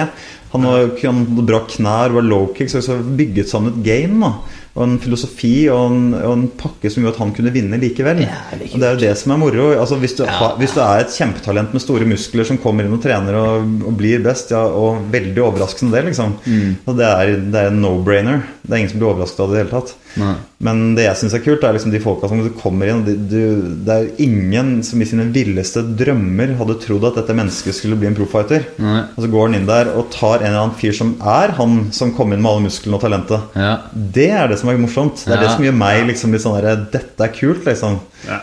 Det er en metafor Det er liksom en ganske Ja, det er en metafor på livet, på en måte. At man ønsker å se drogene Det er en reluctant hero-historien, på en måte. Det appellerer hvert Som fall man til meg. elsker å se. Hæ? Ja, det appellerte veldig til meg. i. Ja. Spesielt, ja, spesielt når du er en, en coach og du er en trener. Og du, det, for det, det viser jo virkelig at her har du fått til noe stort. da For Har du en fyr som har alt på plass fra før av, så skal det kanskje ikke så mye til for å få han til å prestere på det nivået. Nei, det er akkurat det. Altså Det er en bedre historie, rett og slett. Ja, Det er en bedre historie. Det er en Rocky-historie. Ja. En annen fyr som liksom egentlig ikke Altså egentlig tok seg tilbake og egentlig ikke var noe sånn. Og så plutselig så Rise from nothing, liksom. Det er litt kult. Det er rett og slett litt kult. Men du skal nå Jeg sporer jo av igjen. Du Ja, er Lone tilbake Ranger. til Ja, Lone Lone Ranger.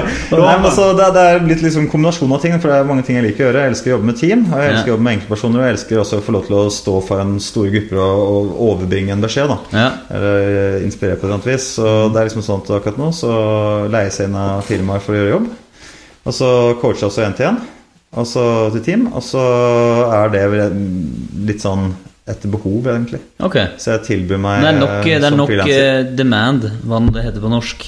Det, det har begynt å komme nå. Ja. Altså, det, det begynner å bygge seg opp. Altså, jeg er utrolig utålmodig. Men altså, Ja. faktum er at jeg slutta i jobben eh, altså 1. juli var jeg ute, så tok ikke en måned til ferie, og så begynte jeg å bygge opp. Og allerede så er det jo ting som skjer, da. Okay. Uh, og som ser veldig lovende ut. Ja. Og allerede er det kunder inne og sånt nå. Ja. Så det, er jo, altså, det går jo så fort som det går an, på en måte. Men ja. eh, Du er klar for å liksom jeg er alltid sånn at alt burde skjedd i går. Så det ligger i min personlighet at uh, sånn tålmodighet er ikke alltid det jeg er best på. Da. Jeg liker å. Det er sånn, ja, det er en viss tosidighet. Altså, jeg kan være veldig rolig på en måte, men jeg liker jo at det er jern i ilden. Ja. Så liker jeg bedre å være liksom eh, stille midt i stormen, da. Og så Ja. ta stormen. Ja, ja, Men stormen må, må, stormen må jo være der for at jeg kan få lov til å være stille i midten. Ja. Så det er litt den der eh, greia der, da, så jeg liker at det skjer litt. Og Mm. jeg syns det er kult at det er både litt sånn underleverandør til firmaer og litt én-til-én-coaching med folk som vil det. Mm. Og så okay. har, har du en, eh, Hvis du skulle beskrive akkurat hva, nøyaktig hva det er du driver med, veldig veldig kort. For du, du, høres du har, du har mye Ja. forskjellig. som- det er, det er det som er en styrke. Jeg har virkelig opplevd mye rart i livet. Og, det er at jeg har mange perspektiver med meg som er min styrke, og det som gjør det vanskelig å forklare akkurat hva jeg driver med. Ja. Men hvis jeg skal si noe, så er jeg vel den coachen som liker å gå ekstra dypt. da Jeg er virkelig veldig opptatt av å avdekke sannheten i personen, sånn som vi snakket om i sted, Altså virkelig gå i dybden på hvem, hvem er du hva er det du virkelig står for? Og begynne å øke din bevissthet om både verden og deg selv. Og hjelpe deg langs den veien som er din, da. Og det, det kan kreve veldig mye. Jeg merker jo at det er en så Det er en så ekstremt sånn ja, rett og slett krevende form for coaching. At eh, det virkelig drar på alt jeg har lært. Mm. Altså ene øyeblikk så kan det være noe veldig praktisk der vi gjør noen øvelser og noen greier og sånt for å få til en ting. Men i neste øyeblikk kan vi ha en sånn veldig abstrakt og dyp diskusjon rundt liksom filosofi fra romertiden. Altså det er noe med, Du må liksom virkelig kunne trå til med det meste, da, fordi folk er så forskjellige og har ekstremt dybde når du først begynner å grave. Så Det høres givende ut, da. ja, det, altså Når det liksom begynner å gå veien, så kjenner jeg at det, det er noe virkelig som kiler i meg. Altså. Det er sånn, dette her er liksom sånn, Nå, er det, nå dealer vi med livet på et godt nivå. Mm. Er det ofte, blir det ofte spirituelt? Liksom? Ja, jeg pleier å si at det er en trekant som heter mind, body, spirit. Mm. Og vi jobber i alle de feltene. Og, men spiritualitet kan være så mangt. Mm. Altså, for noen så er altså Faren min er jo orienteringsløper og har vært en av Norges beste på det. Og han får ekstremt mye sånn indre energi av å være i skogen. Ja. Ja, det er hans på en måte spirituelle side. Og ellers Ja. er han veldig realistisk. Han er en professor i biokjemi, så han er veldig jordnær på en annen måte. Ja, også for masse også, Skog for meg, det er liksom Det er tingene. Ja, det er tingene. Ja. Men så er det andre igjen. Altså, jeg grenser litt over andre ting igjen. Altså, jeg er kanskje mer meditativ, zen-buddhistisk, liksom veldig filosofisk anlagt. Jeg elsker å liksom, lese filosofiske tekster og ta med visdom fra gammelt av. Okay. Altså, det er mer sannsynlig for meg å lese Tao Te Ching enn en moderne psykologisk undersøkelse. Okay. Det er noe med det da, Jeg liker å dra på gammel visdom. Altså det som er tidløst, som mennesker har tenkt over i tusenvis av år. Det er liksom det jeg syns virkelig er tøft. da Så Det er den type visdom jeg liker å dra inn i coachingen, fordi det er, det er en dybde i det. Det er nærmest sånn livets poesi kontra mye av det som er i dag, som er kanskje litt vel sånn derre én, to, tre-steg Ja, ja, ja. til å bli best i et eller annet. Ti tips til liksom Ja, Ja. ikke sant? Men- Dagens Næringsliv, tre måter å være en god leder på. Altså det sånn der, Ja. Dette her er overfladisk. Selv om det stemmer, så er det De har glemt å ta med hvorfor det er sånn, og de historiske tradisjonene rundt det, og hvilken livsfilosofi du må ha for at disse tingene skal funke for deg. Mm. Og det er ofte litt sånn at uh, du må forankre det. Mm. Altså, også i forhold til dette vi snakket om med jenter og sånt. Altså, um, det er veldig mange som leser f.eks. om sjekkeguruer, og så ser de at de har et visst liv. Og så tenker de at hvis jeg skal være dyktig med dette med å bygge relasjoner, meningsfulle relasjoner med f.eks. jenter, så må jeg liksom bli sånn. Mm. Altså, Jeg må være en sånn person som liker å ha uh, x antall elskerinner. Eller jeg må er det en sånn egentlig- person som? Du- Og så er det egentlig bare toppen av isberget. På ja, for det, det handler jo ikke om det. Altså, hvis du dypt inni deg har en spirituell eller filosofisk overbevisning som gjør at du passer godt med å ha liksom, flere partnere, eller hvis du passer veldig godt med å ha den rette, liksom, eller om du passer veldig godt med å ha mer sånn løse forhold Mm. Altså Det er noe som må, det må komme fra dypet av deg. Det høres litt sånn dumt ut. For det er sånn, hallo, dette er jo sjekking og Nei, det er egentlig ikke det. Det handler om å finne ut hva som virkelig er deg. Og hvis du finner ut av det, så vil på en måte det andre ordne seg. Mm. For da snakker du for hjertet ditt, og da er det greit. Mm. Det er alltid greit når du uttrykker noe fra hjertet ditt. Mm. Når du ikke gjør det, så kan du være så kul du vil, og det er likevel bare tull. Mm. Så det er noe med det. Så det, det er eh, Det er altså en sånn viktig greie, tror jeg, for eh, de som hører på, at eh, ikke prøv å være han andre. Det er helt greit å ta tips fra forskjellige hold, men ikke prøv å bli han andre. Altså Finn ut hva du virkelig er, og så jobb ut fra det. For det, det vil alltid vinne frem. Mm.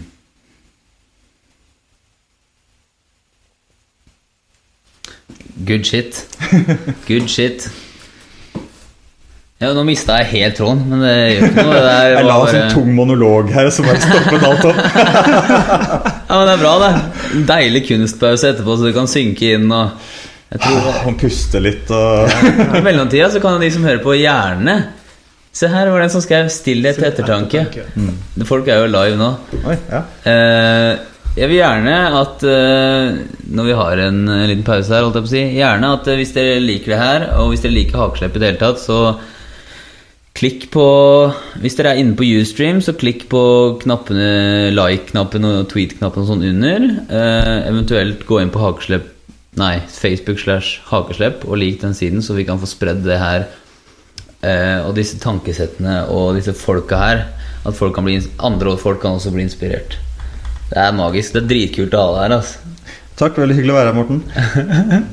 Men eh, eh, som du sa, at du har på en måte eh, opplevd så mye forskjellig.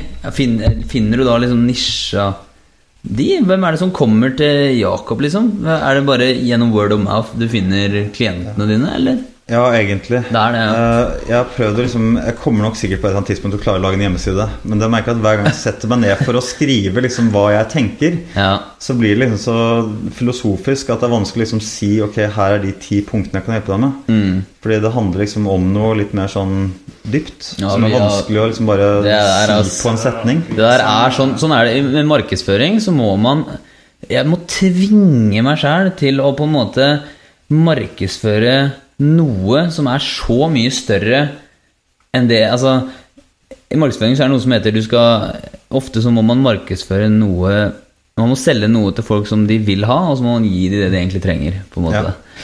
Summiten, for eksempel, som om to uker, er jo en konferanse hvor vi har talere fra hele verden som kommer og snakker, eh, og som kommer med insights og gjennombrudd, altså nye så, sånne samtaler som vi har nå, da. Ikke sant? På en måte. Eh, men så er det umulig Eller det er ikke umulig, men det er en veldig stor utfordring å på en måte pinpointe hva nøyaktig Hvilket behov Summiten dekker hos prospektet, så å si, da, ikke sant? eller hos studentene, eller hvem de som ønsker å være med på det. Så det er litt sånn, litt sånn vag markedsføring. Litt sånn der, 'Bli med på det her, det her blir kjempekult'. Ja, Du veit ikke hvorfor, men det kommer til å bli dritbra. Det hadde vært liksom. mye jeg skjønner. enklere å si sånn her, her er, du, vil, du, vil få, du vil få nøyaktig hva du skal si og, og gjøre for å tiltrekke deg den dama og få i seng i løpet av ti minutter. Altså, det, det er juicy, sant? Kjempe-juicy. Men det er ikke det handler om i det hele tatt. Men det, men det er akkurat det jeg kanskje er redd for sånn når jeg går ut. Da, Det det jeg at, mente, at jeg, er så, jeg er så redd for å tabloidisere noe. Mm. For det eh, I mitt liv så har jo dette vært en vanvittig spennende reise. Mm. Og jeg er liksom den typen at hvis jeg får en sterk magefølelse, så kan jeg være i østre Mongolia i morgen på et eller annet tempel for å oppsøke en annen fyr. Ja. Og det er sånn jeg lever livet mitt, og det har ledd til så utrolig mange sånne spennende opplevelser som har endret meg og, og gitt meg innsikt. da Mm. og jeg er så redd for å liksom sette meg ned og lage en sånn greie som er sånn derre Ja, nei, jeg driver med lederskapscoaching, og du kan forvente å nå målene dine sånn og sånn og sånn.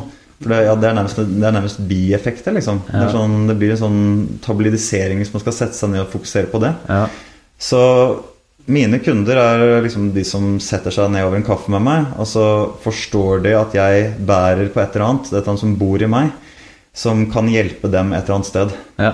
Og det blir veldig som det grå markedet. Det blir liksom over eh, forskjellige sånn sosiale greier og folk som hører om meg via via, som typisk sett oppsøker meg. Og det er, eh, det er jo spennende å leve på den måten der. Og samtidig så er det litt sånn der eh, Litt sånn spesiell måte å gjøre ting på, da. Eh, Så ja, det må sikkert på et eller annet tidspunkt være som tradisjonell markedsfører også, men eh, Ja, for jeg tenker at du, du, det er så mye potensial som eh, kunne vært Altså det er så mye potensial Ja. at liksom en Hvis noen hadde fått fram den beskjeden du på en måte har i deg på en bra måte, og ut som treffer folk hardt, liksom, så hadde det kun, Da kunne du hatt enda større innflytelse, da, tenker jeg. det er en arbeid. Ja. det er en arbeid. Men jeg merker også det at eh, du snakker om kundegruppe og sånt nå. Hvem er det jeg appellerer til? Ja. Og eh, jeg merker jo veldig fort at de som virkelig forstår hva jeg snakker om, det er gjerne enten andre coacher, fordi de har gått gjennom en prosess allerede, og så, og så kan vi på en måte dra det et steg videre. Ja. Altså gjøre noe enda mer sånn crazy.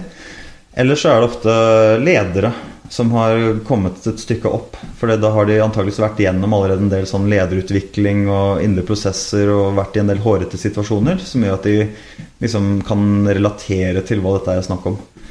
Så det er liksom sånn Det er en litt sånn spesiell kundegruppe.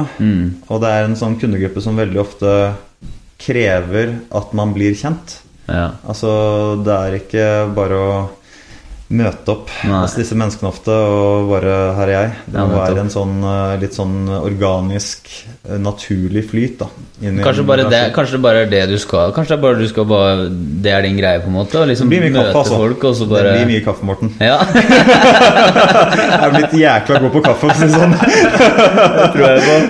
Så det er, det er, det er der det ligger, altså. Fortell om hva du skal i november. November? Ja. Jeg er også koblet til eh, universitetet i Olomouc i Tsjekkia. Ja. Og der uh, skal jeg forelese fag, både dette semesteret og neste semester. Uh, dette semesteret så skal jeg forelese et kurs som heter Art of Listening. Uh, for en, en sånn gruppe som heter Hva blir det? School for Transformative Leadership er det. Og det er underlagt filosofisk fakultet Huh. ved universitetet. Det er perfekt. Ja, det Det er er spot on. veldig crazy og veldig bra. Og eh, jeg trodde liksom altså, Jeg sa ja til dette liksom, igjen da, litt på en intuisjon. Jeg bare var der nede og snakket med hadde en fantastisk tur med masse virkelig sånn dyptpløyende bra mennesker. Mm. Og liksom dette var kjempekult. Og så spurte han sjefen for eh, fakultetet liksom sånn Ja, dere gikk inn på å forelese noe fag hos oss, da? Jeg bare sånn Jo, jo. det kan jeg gjøre. Men når jeg, når jeg skrev på Art of Listening og sa at jeg kunne forelese det, dette semesteret, så tenkte jeg liksom Ok, det kommer til å være to mennesker og en hund, liksom. Som sitter i salen og liksom halvveis sover og følger med på dette sprø styret jeg skal komme med. Ja. Og så fikk jeg en mail, og nå er det signa opp 60 stykker. Og de prøver å finne, finne et rom som klarer å holde de studentene. Så det tok jo plutselig bare av. Så det gleder jeg meg til. Ja. Og, eh, og så er det litt kult å være tilknyttet universitetsmiljøet også. Jeg skal jo som sagt nå til India også i slutten av måneden. Jeg var der en måned på yogafestival i Haridwar. Og det er også gjennom regi av noe som heter Dev Sanskrit University. Okay. Som er et veldig sånn spirituelt Eller altså det er jo i India, så for dem er jo det å ha yoga som en del av universitetet er helt naturlig. Er det det? Ja, altså det, er, det, er jo, det er jo da et universitet koblet til et ashram, altså et sånt uh, praktisk sted. Altså sånn, det er som en dojo. da Ashram er som et indisk dojo. Okay. Hvor de da praktiserer yoga og den type ting. Og eh, universitetet er helt idealistisk. De som jobber der, får bare kost, losji og lommepenger. Wow. Og underviser. Og det er veldig sånn, ja, veldig sånn bygget opp rundt det indre, da, kan du si. Huh. Så vi drar ned, er med på yogafestival, og så er håpet også å få en, en bra dialog og kanskje støtte fra dem. da, på et annet vis. At vi kan gjøre noe spennende sammen. Så, men det er noe med det, altså, altså akademiske miljøer Jeg vet jo, jeg har vært i disse forskningsmiljøene selv. Og det er sånn at i et forskningsmiljø så er du på en måte litt uslåelig. For du blir jo betalt fulltid for bare å sitte og lure på ting. Ja. Så det å være tilkoblet akademiske miljøer har en veldig bra effekt. Fordi du får tilgang til mennesker som sitter 24-7 da og, og tenker, Tenker. over ting. Ja. Og, og forsker på det. Og, og, Tester. ja, og hvis du driver business, så er det noe med at du har ikke den muligheten til å bare sitte og gjøre det. Nei. Så det å ha tilgang til reflekterte mennesker som er i det feltet, det er veldig, det er veldig nyttig. da Og ikke minst så er jeg en akademiker fra en akademikerfamilie, så for meg så passer det litt godt. da Det ser jeg at det sitter godt med meg. Ja. Du har et helt sinnssykt ordforråd, forresten. Apropos akademiker, liksom. Det var sånn der, jeg sitter her og prøver å finne ord for ting, og så bare sender jeg det over til deg. Bare, ja. Altså, du sendte meg melding eh, enten på Facebook eller på melding i stad. Så bare Hvor skal jeg eh, Hvor skal jeg innfinne meg? hvor skal jeg innfinne meg? Vi er da dannede, er vi ikke det? Ja, Frogner. Sånn er det, vet du. Klassisk skolering. Det er så bra. Jo, jeg har holdt Verste også. fighteren ever. Hvor skal jeg innfinne meg? Hva er det de sier til dette unge mann? Ja, nei, det er, Sånn er det litt. Det er jo sånn jeg, ble jo Nei, det er jo det er, det er, jo, det er noe jeg ser opp til, liksom. Det er ja, kult. Jo, takk for det. Er det samme på engelsk? Ja, jeg, jeg, men det er sånn jeg alltid elsket språk. Ja. Altså, jeg kommer fra altså Mamma er polsk og pappa er norsk. Og, men samtidig så dro de meg rundt i hele Europa da jeg var liten. Og jeg var liksom, og vokste opp mye i Frankrike og sånn også. Og bare elsket språk. Jeg syns det er gøy å leke med språk. Leke med ord. Vi har en kompis som har sånn ja. Og det, det tror jeg altså, Eller det er bare min sære ting. Da. Jeg syns det er kjempekult. Og derfor syns jeg også eksempel NLP var kjempemoro å lære. For det er jo Ja. bygget på å forstå dype strukturer i språk. Altså hvordan Mm. du bruker språk til å hjelpe andre mennesker til å forflytte seg. Mm. For hva du sier og hvordan du uttrykker det, det påvirker andre mennesker. En av Mm. mentorene mine sier jo liksom det at, at ord er energi. Mm. Altså Når du sender ord over til noen, så sender du energi Mm. over til noen. Og hvordan du uttrykker deg, har mye å si for hvordan de transporterer seg fra A til B. Mm. Så for meg så er det liksom blitt en sånn greie. Og det er sikkert en del som har oppfattet meg som litt sånn pompøs og arrogant fordi jeg sitter og liksom snakker sånne snirklete, rare setninger. Men det er ikke meningen. Det er liksom ikke for å være teit eller noe. Det er bare Det er sånn jeg er vokst opp. Ja, men jeg ser den, altså. Jeg ser hvordan Det har jeg aldri hørt før at ord er energi. Det var, det var en liten kul tanke. Men jeg ser jo den, og at jeg, jeg skjønner verdien av å ha et godt ordforråd. Eh, også på en måte eh, for å, hvor, hvor proff du virker, da. Ikke sant? Også når du skal Som du sier, at når du jobber med dannede ledere og som har holdt med mye erfaring å snakke, og de der akademikeren din og sånn. Ja, det er, det er Jeg ser sånn for meg jeg skulle komme dit og bare Ok, gutta. Gutta krutt, nå skal vi liksom Skal jeg dra i gang en fest her? Steppe opp. Det er litt målgruppe også. Det er Ja. liksom hvem man, hvem man har lyst til å snakke til òg, tror jeg. Ja. For det, jeg vil jo virke kjempeteit igjen hvis jeg skulle møtt opp la oss på en, på en skole. Jeg vet at du har, brenner jo for dette med liksom, barne- og ungdomsskole og bringe personlig utvikling der. Mm. Og jeg vil nok være veldig malplassert på et sånt sted når jeg kommer inn i klasserommet og begynner å dra en eller annen sånn der, eh, tale, monolog om et eller annet, og alle bare sånn Hva i helvete er det han fyren sier, liksom? Så det er noe med det også, da. Liksom, hva, hva man appellerer til. Og jeg tror det er bra at man er forskjellig som coacher. Ja. Jeg tror det fins rom for alle mulige typer. Men Ja, ja. det er bare å finne hvem er det som kan ta imot den gaven du har å gi. da Mm. Og det, det tror jeg liksom er litt av greia. At man ikke skal um, For det er det jo litt også i coachingmiljøet. At man blir sånn beskyttende overfor sitt eget revir. Da, igjen. Så, Ja. Mine kunder, dine kunder. Kan jeg sende noen fra den ene til den andre? Kan jeg, kan jeg egentlig liksom ha noen med meg og reklamere for noen andre? Men uh, jeg tror liksom på karma også, Jeg tror på det sjøl. Det er også det hakeslepp på en måte her. At eh, fuck it, liksom. Det er mer enn nok til alle. Ja, ja. akkurat det, og det er liksom sånn Folk kommer til forskjellige folk av forskjellige grunner. Mm. Og uh, man må også bare innrømme at uh, av og til så kommer det en kunde som overhodet ikke passer en selv, men kanskje man kjenner noen Ja. som er mer midt i blinken der. Ja. Det har med personlighet og egen energi og metodikk og alt å gjøre. Så det er rett og slett hva som appellerer til den enkelte. Mm. Og øh, så lenge folk har hjertet på rett sted, så er det helt fint. ja. Så lenge. Hva er, hva, er norsk, hva er ordet vil du bruke for å si abundance? Mangfold. Abundance. Overflod. Jeg vil, nok heller, jeg vil kanskje heller Jeg vil nok heller mot overflod, ja. Overflod. ja. Det spørs jo litt hva du vil legge i det. Men uh, Det er noen som skriver 'overflod' på eh, chatten her. i motsetning til utflod Nei, ja. ja, men ja, det er overflodsprinsippet. Ja. Det er også for så vidt en sånn liksom greie i dette med Hva med reframe? reframe. Ja, den er kjempevanskelig. Ja. Der bruker jeg faktisk det engelske reframe. Jeg skal, Det være helt, jeg jeg skal være helt ærlig for det. Det Det er er, den vanskeligste. Jeg kjemper for sånn omramming. Ja, omramming, ja. Det går jo ikke å si det. Men det blir, egentlig så er det en perspektivendring. Altså Hvis Ja. man skal si hva som egentlig foregår når du gjør en reframe med noen, så er det en perspektivendring. Vi skulle hatt sånn liste, bro! Vi skulle hatt sånn liste Det bare sånne ord som vi For vi jobber med å bli mer med norske i vår coaching. Ja, den Og jeg vet at Seminaret vårt, når vi hadde seminar her, og det var bare Det var jo øh, så mye engelsk. Folk satt der med ordbok og Og jeg spør publikum hva er, hva er ordet for det igjen? De roper ut ordet. Det er veldig interaktivt, da. Mellom å si språkkyndig publikum og deg. Det er Ja. veldig mye kommunikasjon. Ja, det er bra, da hjelper vi Jeg er veldig stolt av at uh, Torkel har kommet ut med en ny bok nå. Og vi satt og snakket, faktisk på Hageslepp, hvor vi snakka om limiting beliefs, og da kalte jeg det begrensende overbevisninger. Og det har han da brukt i boka si. Så den er jeg stolt av. At jeg på en måte har fått den til norsk. Ja, men Det er veldig, veldig riktig, for det er mange som begynner med sånn trossystemer. Begrensende trossystemer. Ja. Det blir jo veldig religiøst igjen. Ja. Så det er hva du er overbevist om. Ja, så der, ja, der har vi en. Bruk den. Ja, men det, ikke sant? det høres religiøst ut, så det treffer litt feil på, på liksom de du skal Ja, Når du har det. Sier du limiting belief på engelsk, så treffer det på en måte en del av hjernen. Hvis du sier begrensede trossystemer, så treffer det en helt annen del, føler jeg. Er Ja, sånn, man begynner sånn der Jaså, er du liksom antireligiøs, eller er du religiøs? Eller altså, hva er Ja. greia, liksom? Altså, noe med det, da. Men Ja. eh, det er jo rett og slett overbevisning man har som ikke nødvendigvis stemmer virkeligheten. ja. Og uh, når man buster opp de, da, for å si det på engelsk Ja. Når man endrer de, Ja. så, så føler jeg også det er litt viktig dette med det vi snakket om i stad, med kalibrering med virkeligheten. Mm. For det handler jo ikke egentlig om å bryte opp noe Nei. for å ta en eller annen ekstrem. da Nei. Det er også en sånn greie når folk begynner med endring av sine overbevisninger. At de går gjerne fra den ene ekstremen til den andre ekstremen. Sånn F.eks. No, noen som kommer inn og tenker Oi, jeg er, veldig, jeg er en veldig stygg mann. Eller et eller annet sånt noe. De har en eller annen tro om at de ser ikke bra ut. Så går det kanskje en annen ekstrem med at liksom, jeg kan få hvem som helst. Jeg er kjempesexy. Ja, nettopp. Og så er det noe med at liksom sånn Nei, ha et realistisk syn på hvem du er. Altså, For det jeg pleier å si, det er en del av hjernen din som sier No, bro. Slutt opp, liksom. Ja, Ja. Ikke sant? No, bro. det er korrekt. Hei, come at me, bro.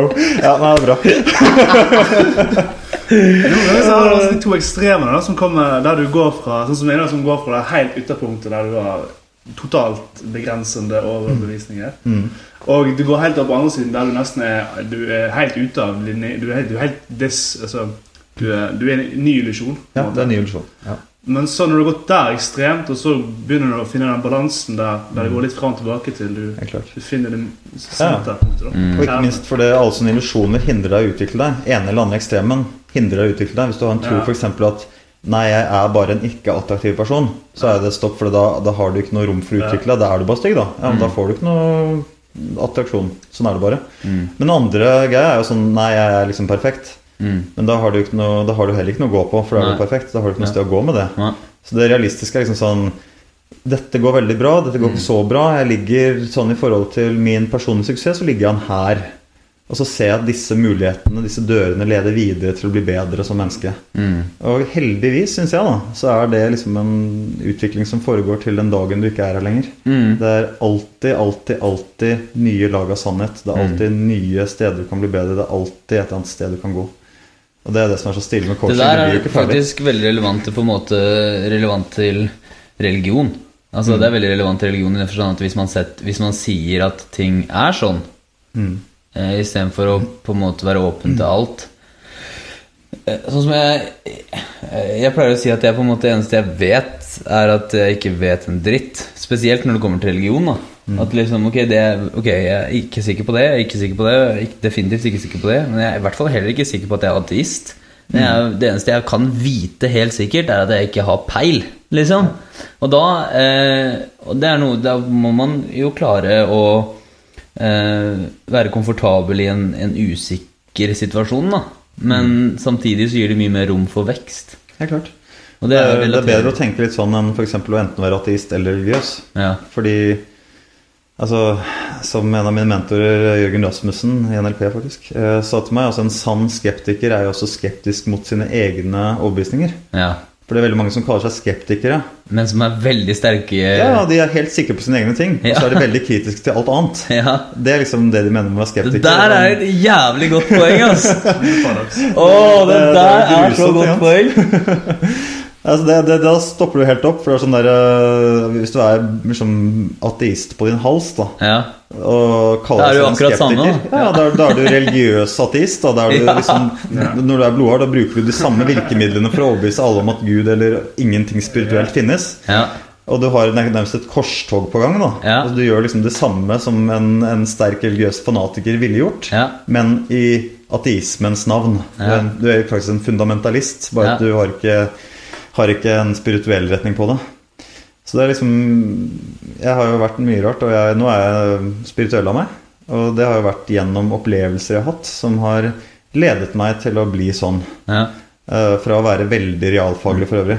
Altså Jeg var jo til og med sammen med en veldig alternativ jente, og på den tiden så var nok jeg vanskelig å være sammen med fordi jeg var så såkalt skeptisk. For jeg så ikke rett og slett at jeg drev og stengte meg selv ute. Skeptisk i den formen du akkurat snakka om. Ja, ikke sant. jeg Jeg var jo der. Jeg Ja. kan helt fint relatere til hvordan det er å være sånn. Ja.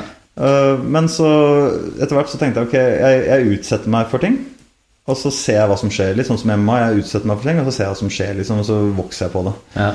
Og eh, rett og slett gjennom det jeg har erfart, så har jeg kommet til en litt annen måte å se verden på. Og finner mye verdi i, i tekster som er skrevet også fra religiøse synspunkter. Mm. Og jeg mener da at eh, de fleste religioner er jo bare portveier inn i det samme stedet. Mm. Altså Jeg ser egentlig ikke noe forskjell på det. Altså Alle bøkene er jo metaforiske tekster Mm. som prøver å lære oss noe om det å være mennesker. Det er jo folk som har sittet da gjerne tusenvis av år og kokt sammen historier som skal lære oss noe om å være menneske. Jeg ser f.eks. 'Alkymisten' av Paolo Coelho i bokhylla her. Mm. Og det er typisk en historie som skal lære oss noe om å være menneske. Bortsett fra at den da er ikke-religiøs. Men det er det samme med Bibelen, Ja. Toraen, Koranen og alt sånt. Det er bare historier, metaforer, som skal lære oss ting. Og det tror jeg er den nyttige måten å tenke på dette på. da, rett og slett. Altså Være åpen for visdom, og ikke les ting bokstavelig. rett og slett. Men når du, når du, når du skal Når du skal være der altså, For vi mennesker har et kjempebehov for å føle oss sikre. Ja. For å føle trygghet og, og ha noen faste ting, som- håndfaste ting. Mm. Og, og mange argumenterer med at mange eh, klamrer seg til f.eks. religion for å ha det sikre punktet i livet sitt. Mm. For eksempel- Um, men det du snakker om nå, er jo nesten det å kunne føle seg sikker i at du ikke vet noe. Altså sikker i usikkerhet. Ja. Sikker i åpenhet. Sikker i åpenhet. Ja. Hæ? Jo, jo. Det var det jeg sa.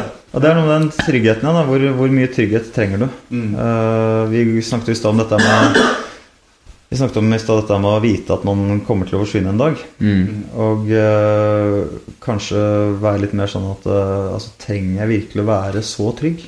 Mm.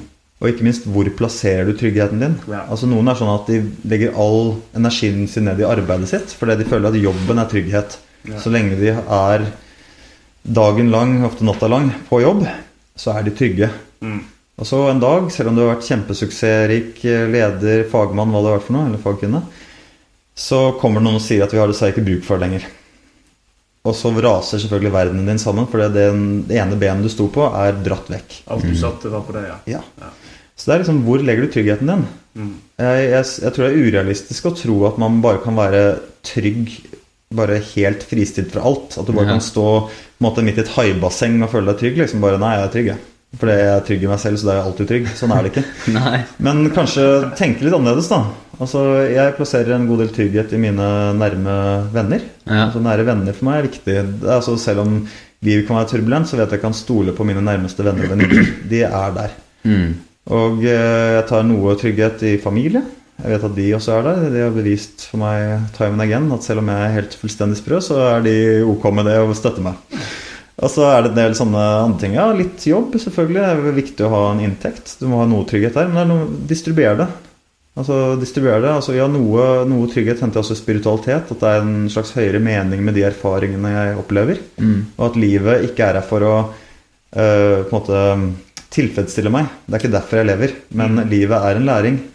Og de opplevelsene kommer, har en mening for at jeg skal utvikle meg. Og selv om det kan være blodtungt av og til, så er det et perspektiv som fungerer. Liksom. Så det er en trygghet i det. Altså Når man distribuerer det utover sånn, så er det sånn Ja vel, ok, så må jeg kanskje bytte jobb. Men jeg har jo min nærmeste, og jeg har min overbevisning, jeg har min integritet i behold, jeg har min stolthet i behold. liksom. Så det er noe med det, da. Hvordan er det man forholder seg til trygghet? Det tror jeg er mye viktigere enn å tro at man bare kan ha det i seg permanent alltid. Mm. Mm. Ja, ja, en blanding av på en måte hente det innenfra og utenfra, hvor du på en måte kan Det er akkurat som eh, Det er akkurat som den første, altså jeg finner, første metaforen jeg tenker på da, på en måte, eller jeg ser at det passer overens med, er at hvis du har en inntektskilde som på en måte blir dratt fra deg, og det er din eneste inntektskilde, så, så mister du den, liksom. Og da mister du all din inntekt, da. Men hvis du har flere inntektskilder, og en av de blir tatt, og du bygger videre, eller så har du fortsatt ti andre, da? Eller fem Ja, andre? du lever greit. Og Ja. selv om du er en person som lever i et normalt liv, da, si sånn, altså litt sånn innenfor boksen, for å si sånn, så ja, mister du en jobb, spesielt i Norge. Altså, Ja. det er Det er, det er ikke krise, Ja, liksom. Altså, okay, I verste fall så må du kanskje Bo hjemme, eller, Ja, eller gå bo- på Nav i noen måneder, eller hva. Liksom. Det er ikke så ille. I verste fall så får du penger. Det er, det, det er sånn det Du, funker i du Norge. har fallskjerm som beskytter deg. Du har det. I Norge har du det alltid. Ja. Så derfor har jeg veldig lite sånn respekt for de som er veldig redde i dette landet her. Ja. For forskjellige utfordringer som går på dette med å prøve nye ting. ja. Mm. Fordi Ja, det er liksom Hvor gærent kan det gå? Mm. Altså, seriøst. Det verste er at du må kanskje svelge stolthet Det er kanskje det vanskeligste. En del må bare svelge stoltheten sin og bare innse at ok, jeg kan ikke være den jobben her. Firmaet gikk konk, eller hva det kan være for noe. Jeg kan ikke være den jobben her lenger. Men det fins mange andre jobber. Mm. Vi har et jobbmarked i Norge som er veldig gunstig. Mm. Og i verste fall, som du sier, så ok, da får du gå på Nav litt, da. Eller hva det er for noe. Eller eh, støtte deg på familie, eller hva det er for noe. Men det er liksom ikke så ille. Altså, Hvis det er det samme hvis du mister jobben din i Kabul Det er det litt verre. har du, For det første har du ikke så mye penger i utgangspunktet, og når det lille du har forsvinner, så er det liksom Det kan bety familien din sin død, liksom. Altså Det er litt sånn Hallo. eh, vårt bortskjemte perspektiv, hvor vi er fjernet så langt fra den reelle virkeligheten som mange mennesker lever i. Mm. Det er eh, man- jævlig liksom, heldig, men ja, altså uheldig, men heldig på en måte samtidig. Det er derfor jeg også mener at folk Det er kritisk å reise. Det er kritisk å reise. Jeg var i, i Afrika første gang 1998. Rocka huet mitt, liksom. Da var jeg Da var jeg Det var liksom Det forandra alt. Det forandra alt. Det var liksom Ok, du hører om fattige barn på TV, liksom. Det er en, det er, det er en, det er en film. Man lever i en virtuell virkelighet hvor du sitter og ser på Man sitter og, spi, man sitter og man sitter og spiser eller runker eller uh, henger med kompiser eller whatever, så plutselig ser du Håper at du ikke kombinerer de aktivitetene. Men, Poenget mitt, altså, eh, poenget mitt er liksom at det er så groteskt at man kan sitte og se på et sultne barn på TV-en ni ganger om dagen hvis, du, altså, er, hvis du er som mange jeg kjenner fanatisk nyhetstittere, på en måte, som må ha med seg sjuer-nyhetene, nier-nyhetene, nyhetene på morgenen, liksom. Så ja, du kan se på forferdeligheter eh, døgnet rundt, og du, du, det, det, det treffer ikke. Det treffer ikke, liksom. Så drar jeg til Afrika. Du er akkurat i Cuba, du har jo vært verden over. Så, så plutselig ser man noe helt annet. Man får et helt annet perspektiv fordi man står i det sjøl. Og du får et perspektiv ikke bare på kulturen der og på kulturen i Norge, men du får et perspektiv på eget liv. Du du begynner å tenke mye større. Det er så kritisk for folk å reise. Du får de kontrastene også. Altså, Ja. vi snakker jo Litt tidligere i podkasten snakker vi om det her med å ha, å ha Når du for eksempel er i ringen, og du har kontrasten mellom den, den ytterkanten der, og så kan du sette pris på de små tingene også. Sant? Så, er det, så var det det når jeg, når jeg var i Cuba og Mexico. Jeg var der i to måneder nå. Mm. og, eh, og bare sånne, sånne helt enkle ting som du vanligvis aldri ville tenkt noe mer over. Plutselig, når du kommer tilbake til Norge, så begynner du å fy faen, så deilig. Jeg mm. setter pris på det jeg har muligheten til her. liksom. Og så er det rett og slett slik at det er ikke alt av selvutvikling som kan gjøres gjennom bøker og coacher. Av og til så må du selv dra ut, eller sende Ja. dine kunder Ja. ut på en spesifikk reise for å oppsøke noe. Så det er en grunn altså, En ting vi har glemt, det er en grunn til at folk gikk på pilegrimsferder og sånt nå. Hovedpoenget er ikke å gå i to måneder fra A til B.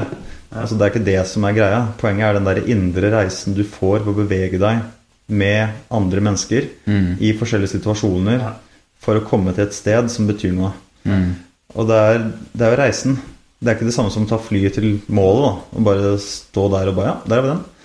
Sjekk på lista mi. Det er ikke det som er poenget. Poenget er jo reisen. Poenget er jo, jo å utsette seg for det. Ja.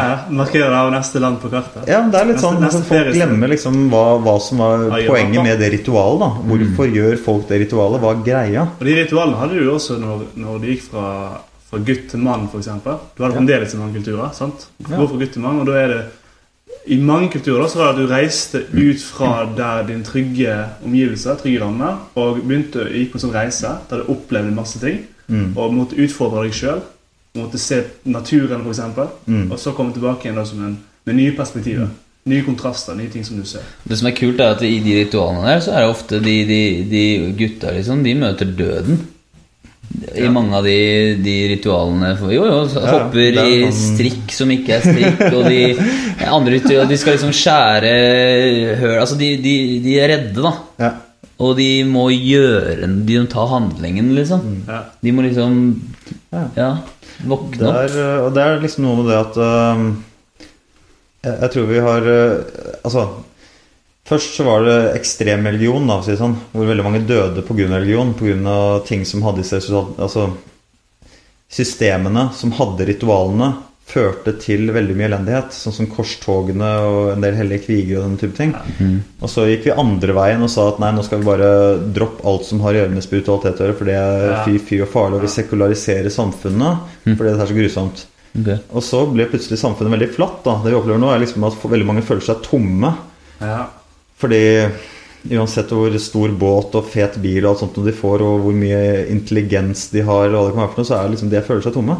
Ja. Så vi har fått en motpol da som ikke fungerer så bra igjen. Ja. Og så bør vi kanskje prøve å komme oss i en situasjon hvor, hvor vi kan beholde det gode fra at vi vet så mye i forhold til vitenskap og sånt nå, og samtidig at det er rom for de ritualene som gjør oss til bedre mennesker. Altså det er fordi ritualene er der og var der for en grunn. Så det å strukturere opp også ting i selvutvikling, faktisk, som er ritualistisk anlagt, kan være en kjempeverdi. Mm. Og det er også noe som har gått ganske hus forbi veldig mange i selvutviklingsbransjen. Fordi de prøver å Altså, de flyr rett til eh, til pilegrimsmålet, for å si det sånn, da. Mm. Istedenfor å gå veien. Ja. Veldig mange ja, altså- bøker er sånn Her er resultatet. Ja. Altså, hvis du vil bli god i business, så gjør den tingen her. du, du er veldig fokusert på akkurat den effektivt, hurtig som mulig, det målet, Få istedenfor den prosessen, reisen, ja. sant? vekst, selve veksten da, som er der. Ikke Og det går så hus forbi mange av bøkene om selvutvikling at de bare går rett til resultatet. Jeg kom hit, og dette var essensen i det. Mm. Istedenfor å tilby historien, da, hvordan dette skjedde, hvordan de kom dit, og hva den eh, essensielle prosessen var. Mm. Det, det savner jeg i dette med personlig utvikling og litteraturen der. Det Mm. blir litt for mye punktlister, litt for mye modellere folk og alt sånt noe, kontra å gå veien. Mm. Det er rart det der, altså, fordi det er Ja, det, det er som du sier, at man, det, er lett, det er veldig lett da å, å vente på et mål. Og når målet kommer, så på en måte leve på den høyen i, i x antall timer, døgn, måneder, og så vente på neste mål, stresse mot neste mål, eh, å ha hele den greia eh, ha den, ja, den mentaliteten her istedenfor å på en måte, som du sier, nyte prosessen på veien.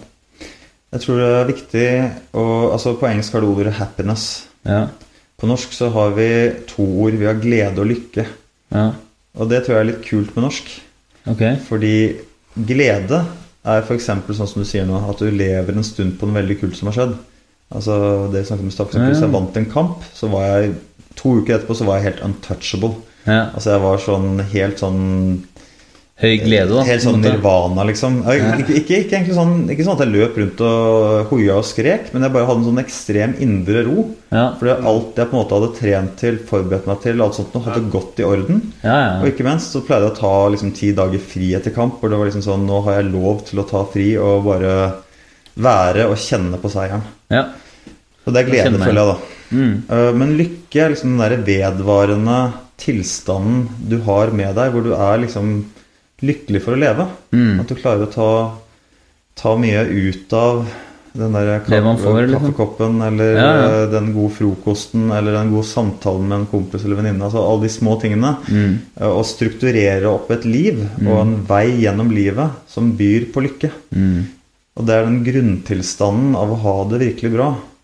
Og den liksom zen-aktige dansen gjennom livet, den liksom poetiske i det, som er lykken. Og så er det veldig fint at man har de toppene en gang iblant, hvor man får til noe, men det er liksom høydepunktene da, i et liv som ellers er av lykke.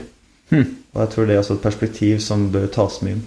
Er det liksom noe som Det glede og lykke Er det bare en, en, en forskjell på definisjon Altså det er to forskjellige ord på en måte som har den definisjonen som du sa nå? Eller er det bare Fulfillment være et sånt ord for, for ja, Hva faen er det på norsk? Liksom det er mest en oppnåelse, kanskje. på en måte. Ja, ok. Eller at, øh, men altså jeg, jeg, altså jeg vet ikke hva andre gjør, men jeg liker å legge den forskjellen.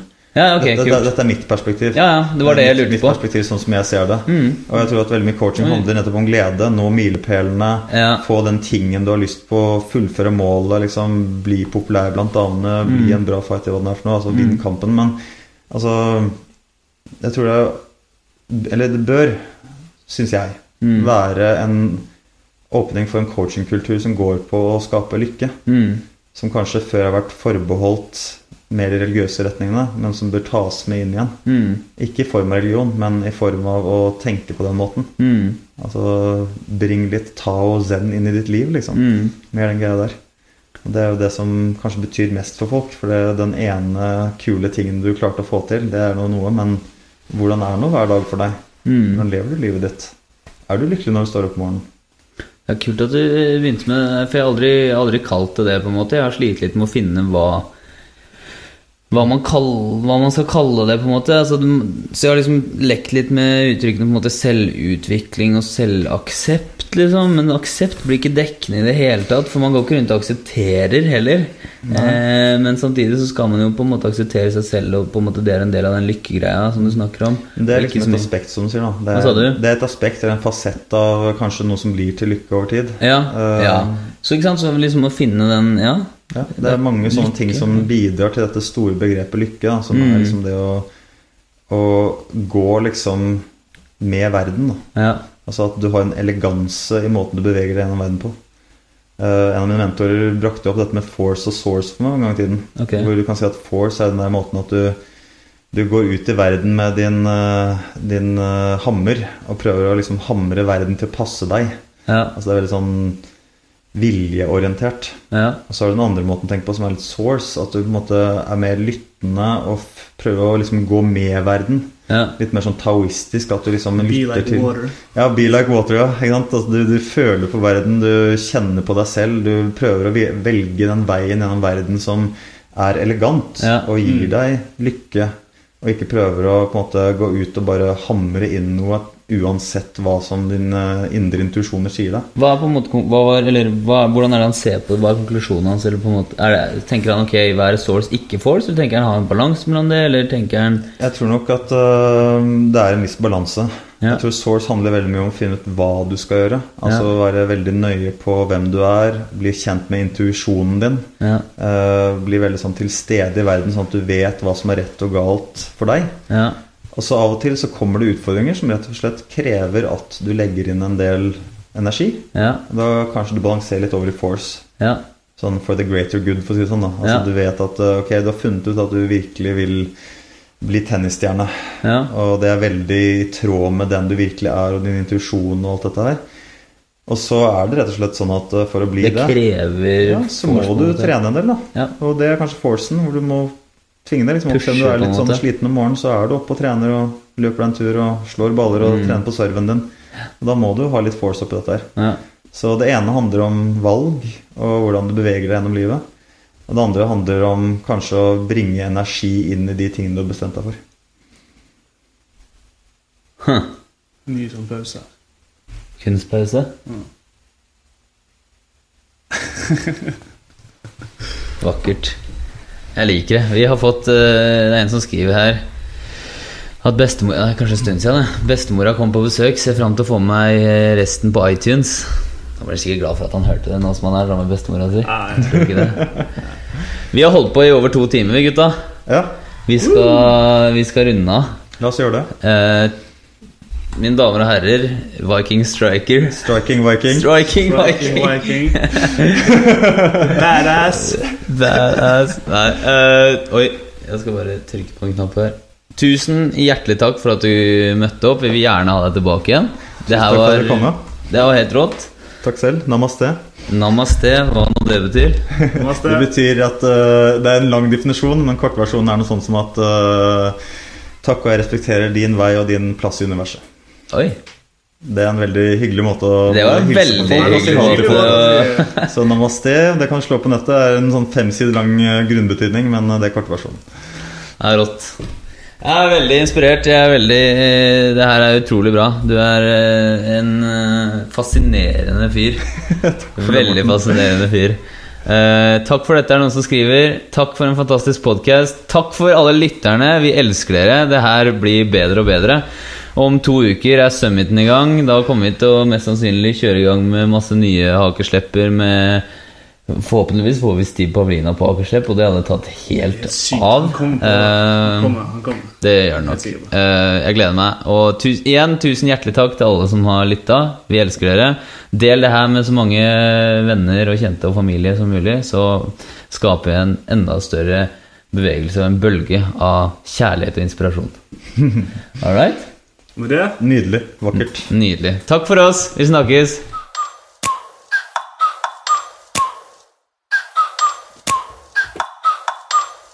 Like, ride with me if you ride with me, you can slide with me if you feel like 550 on the five sticky, come get high with me, that's a deal.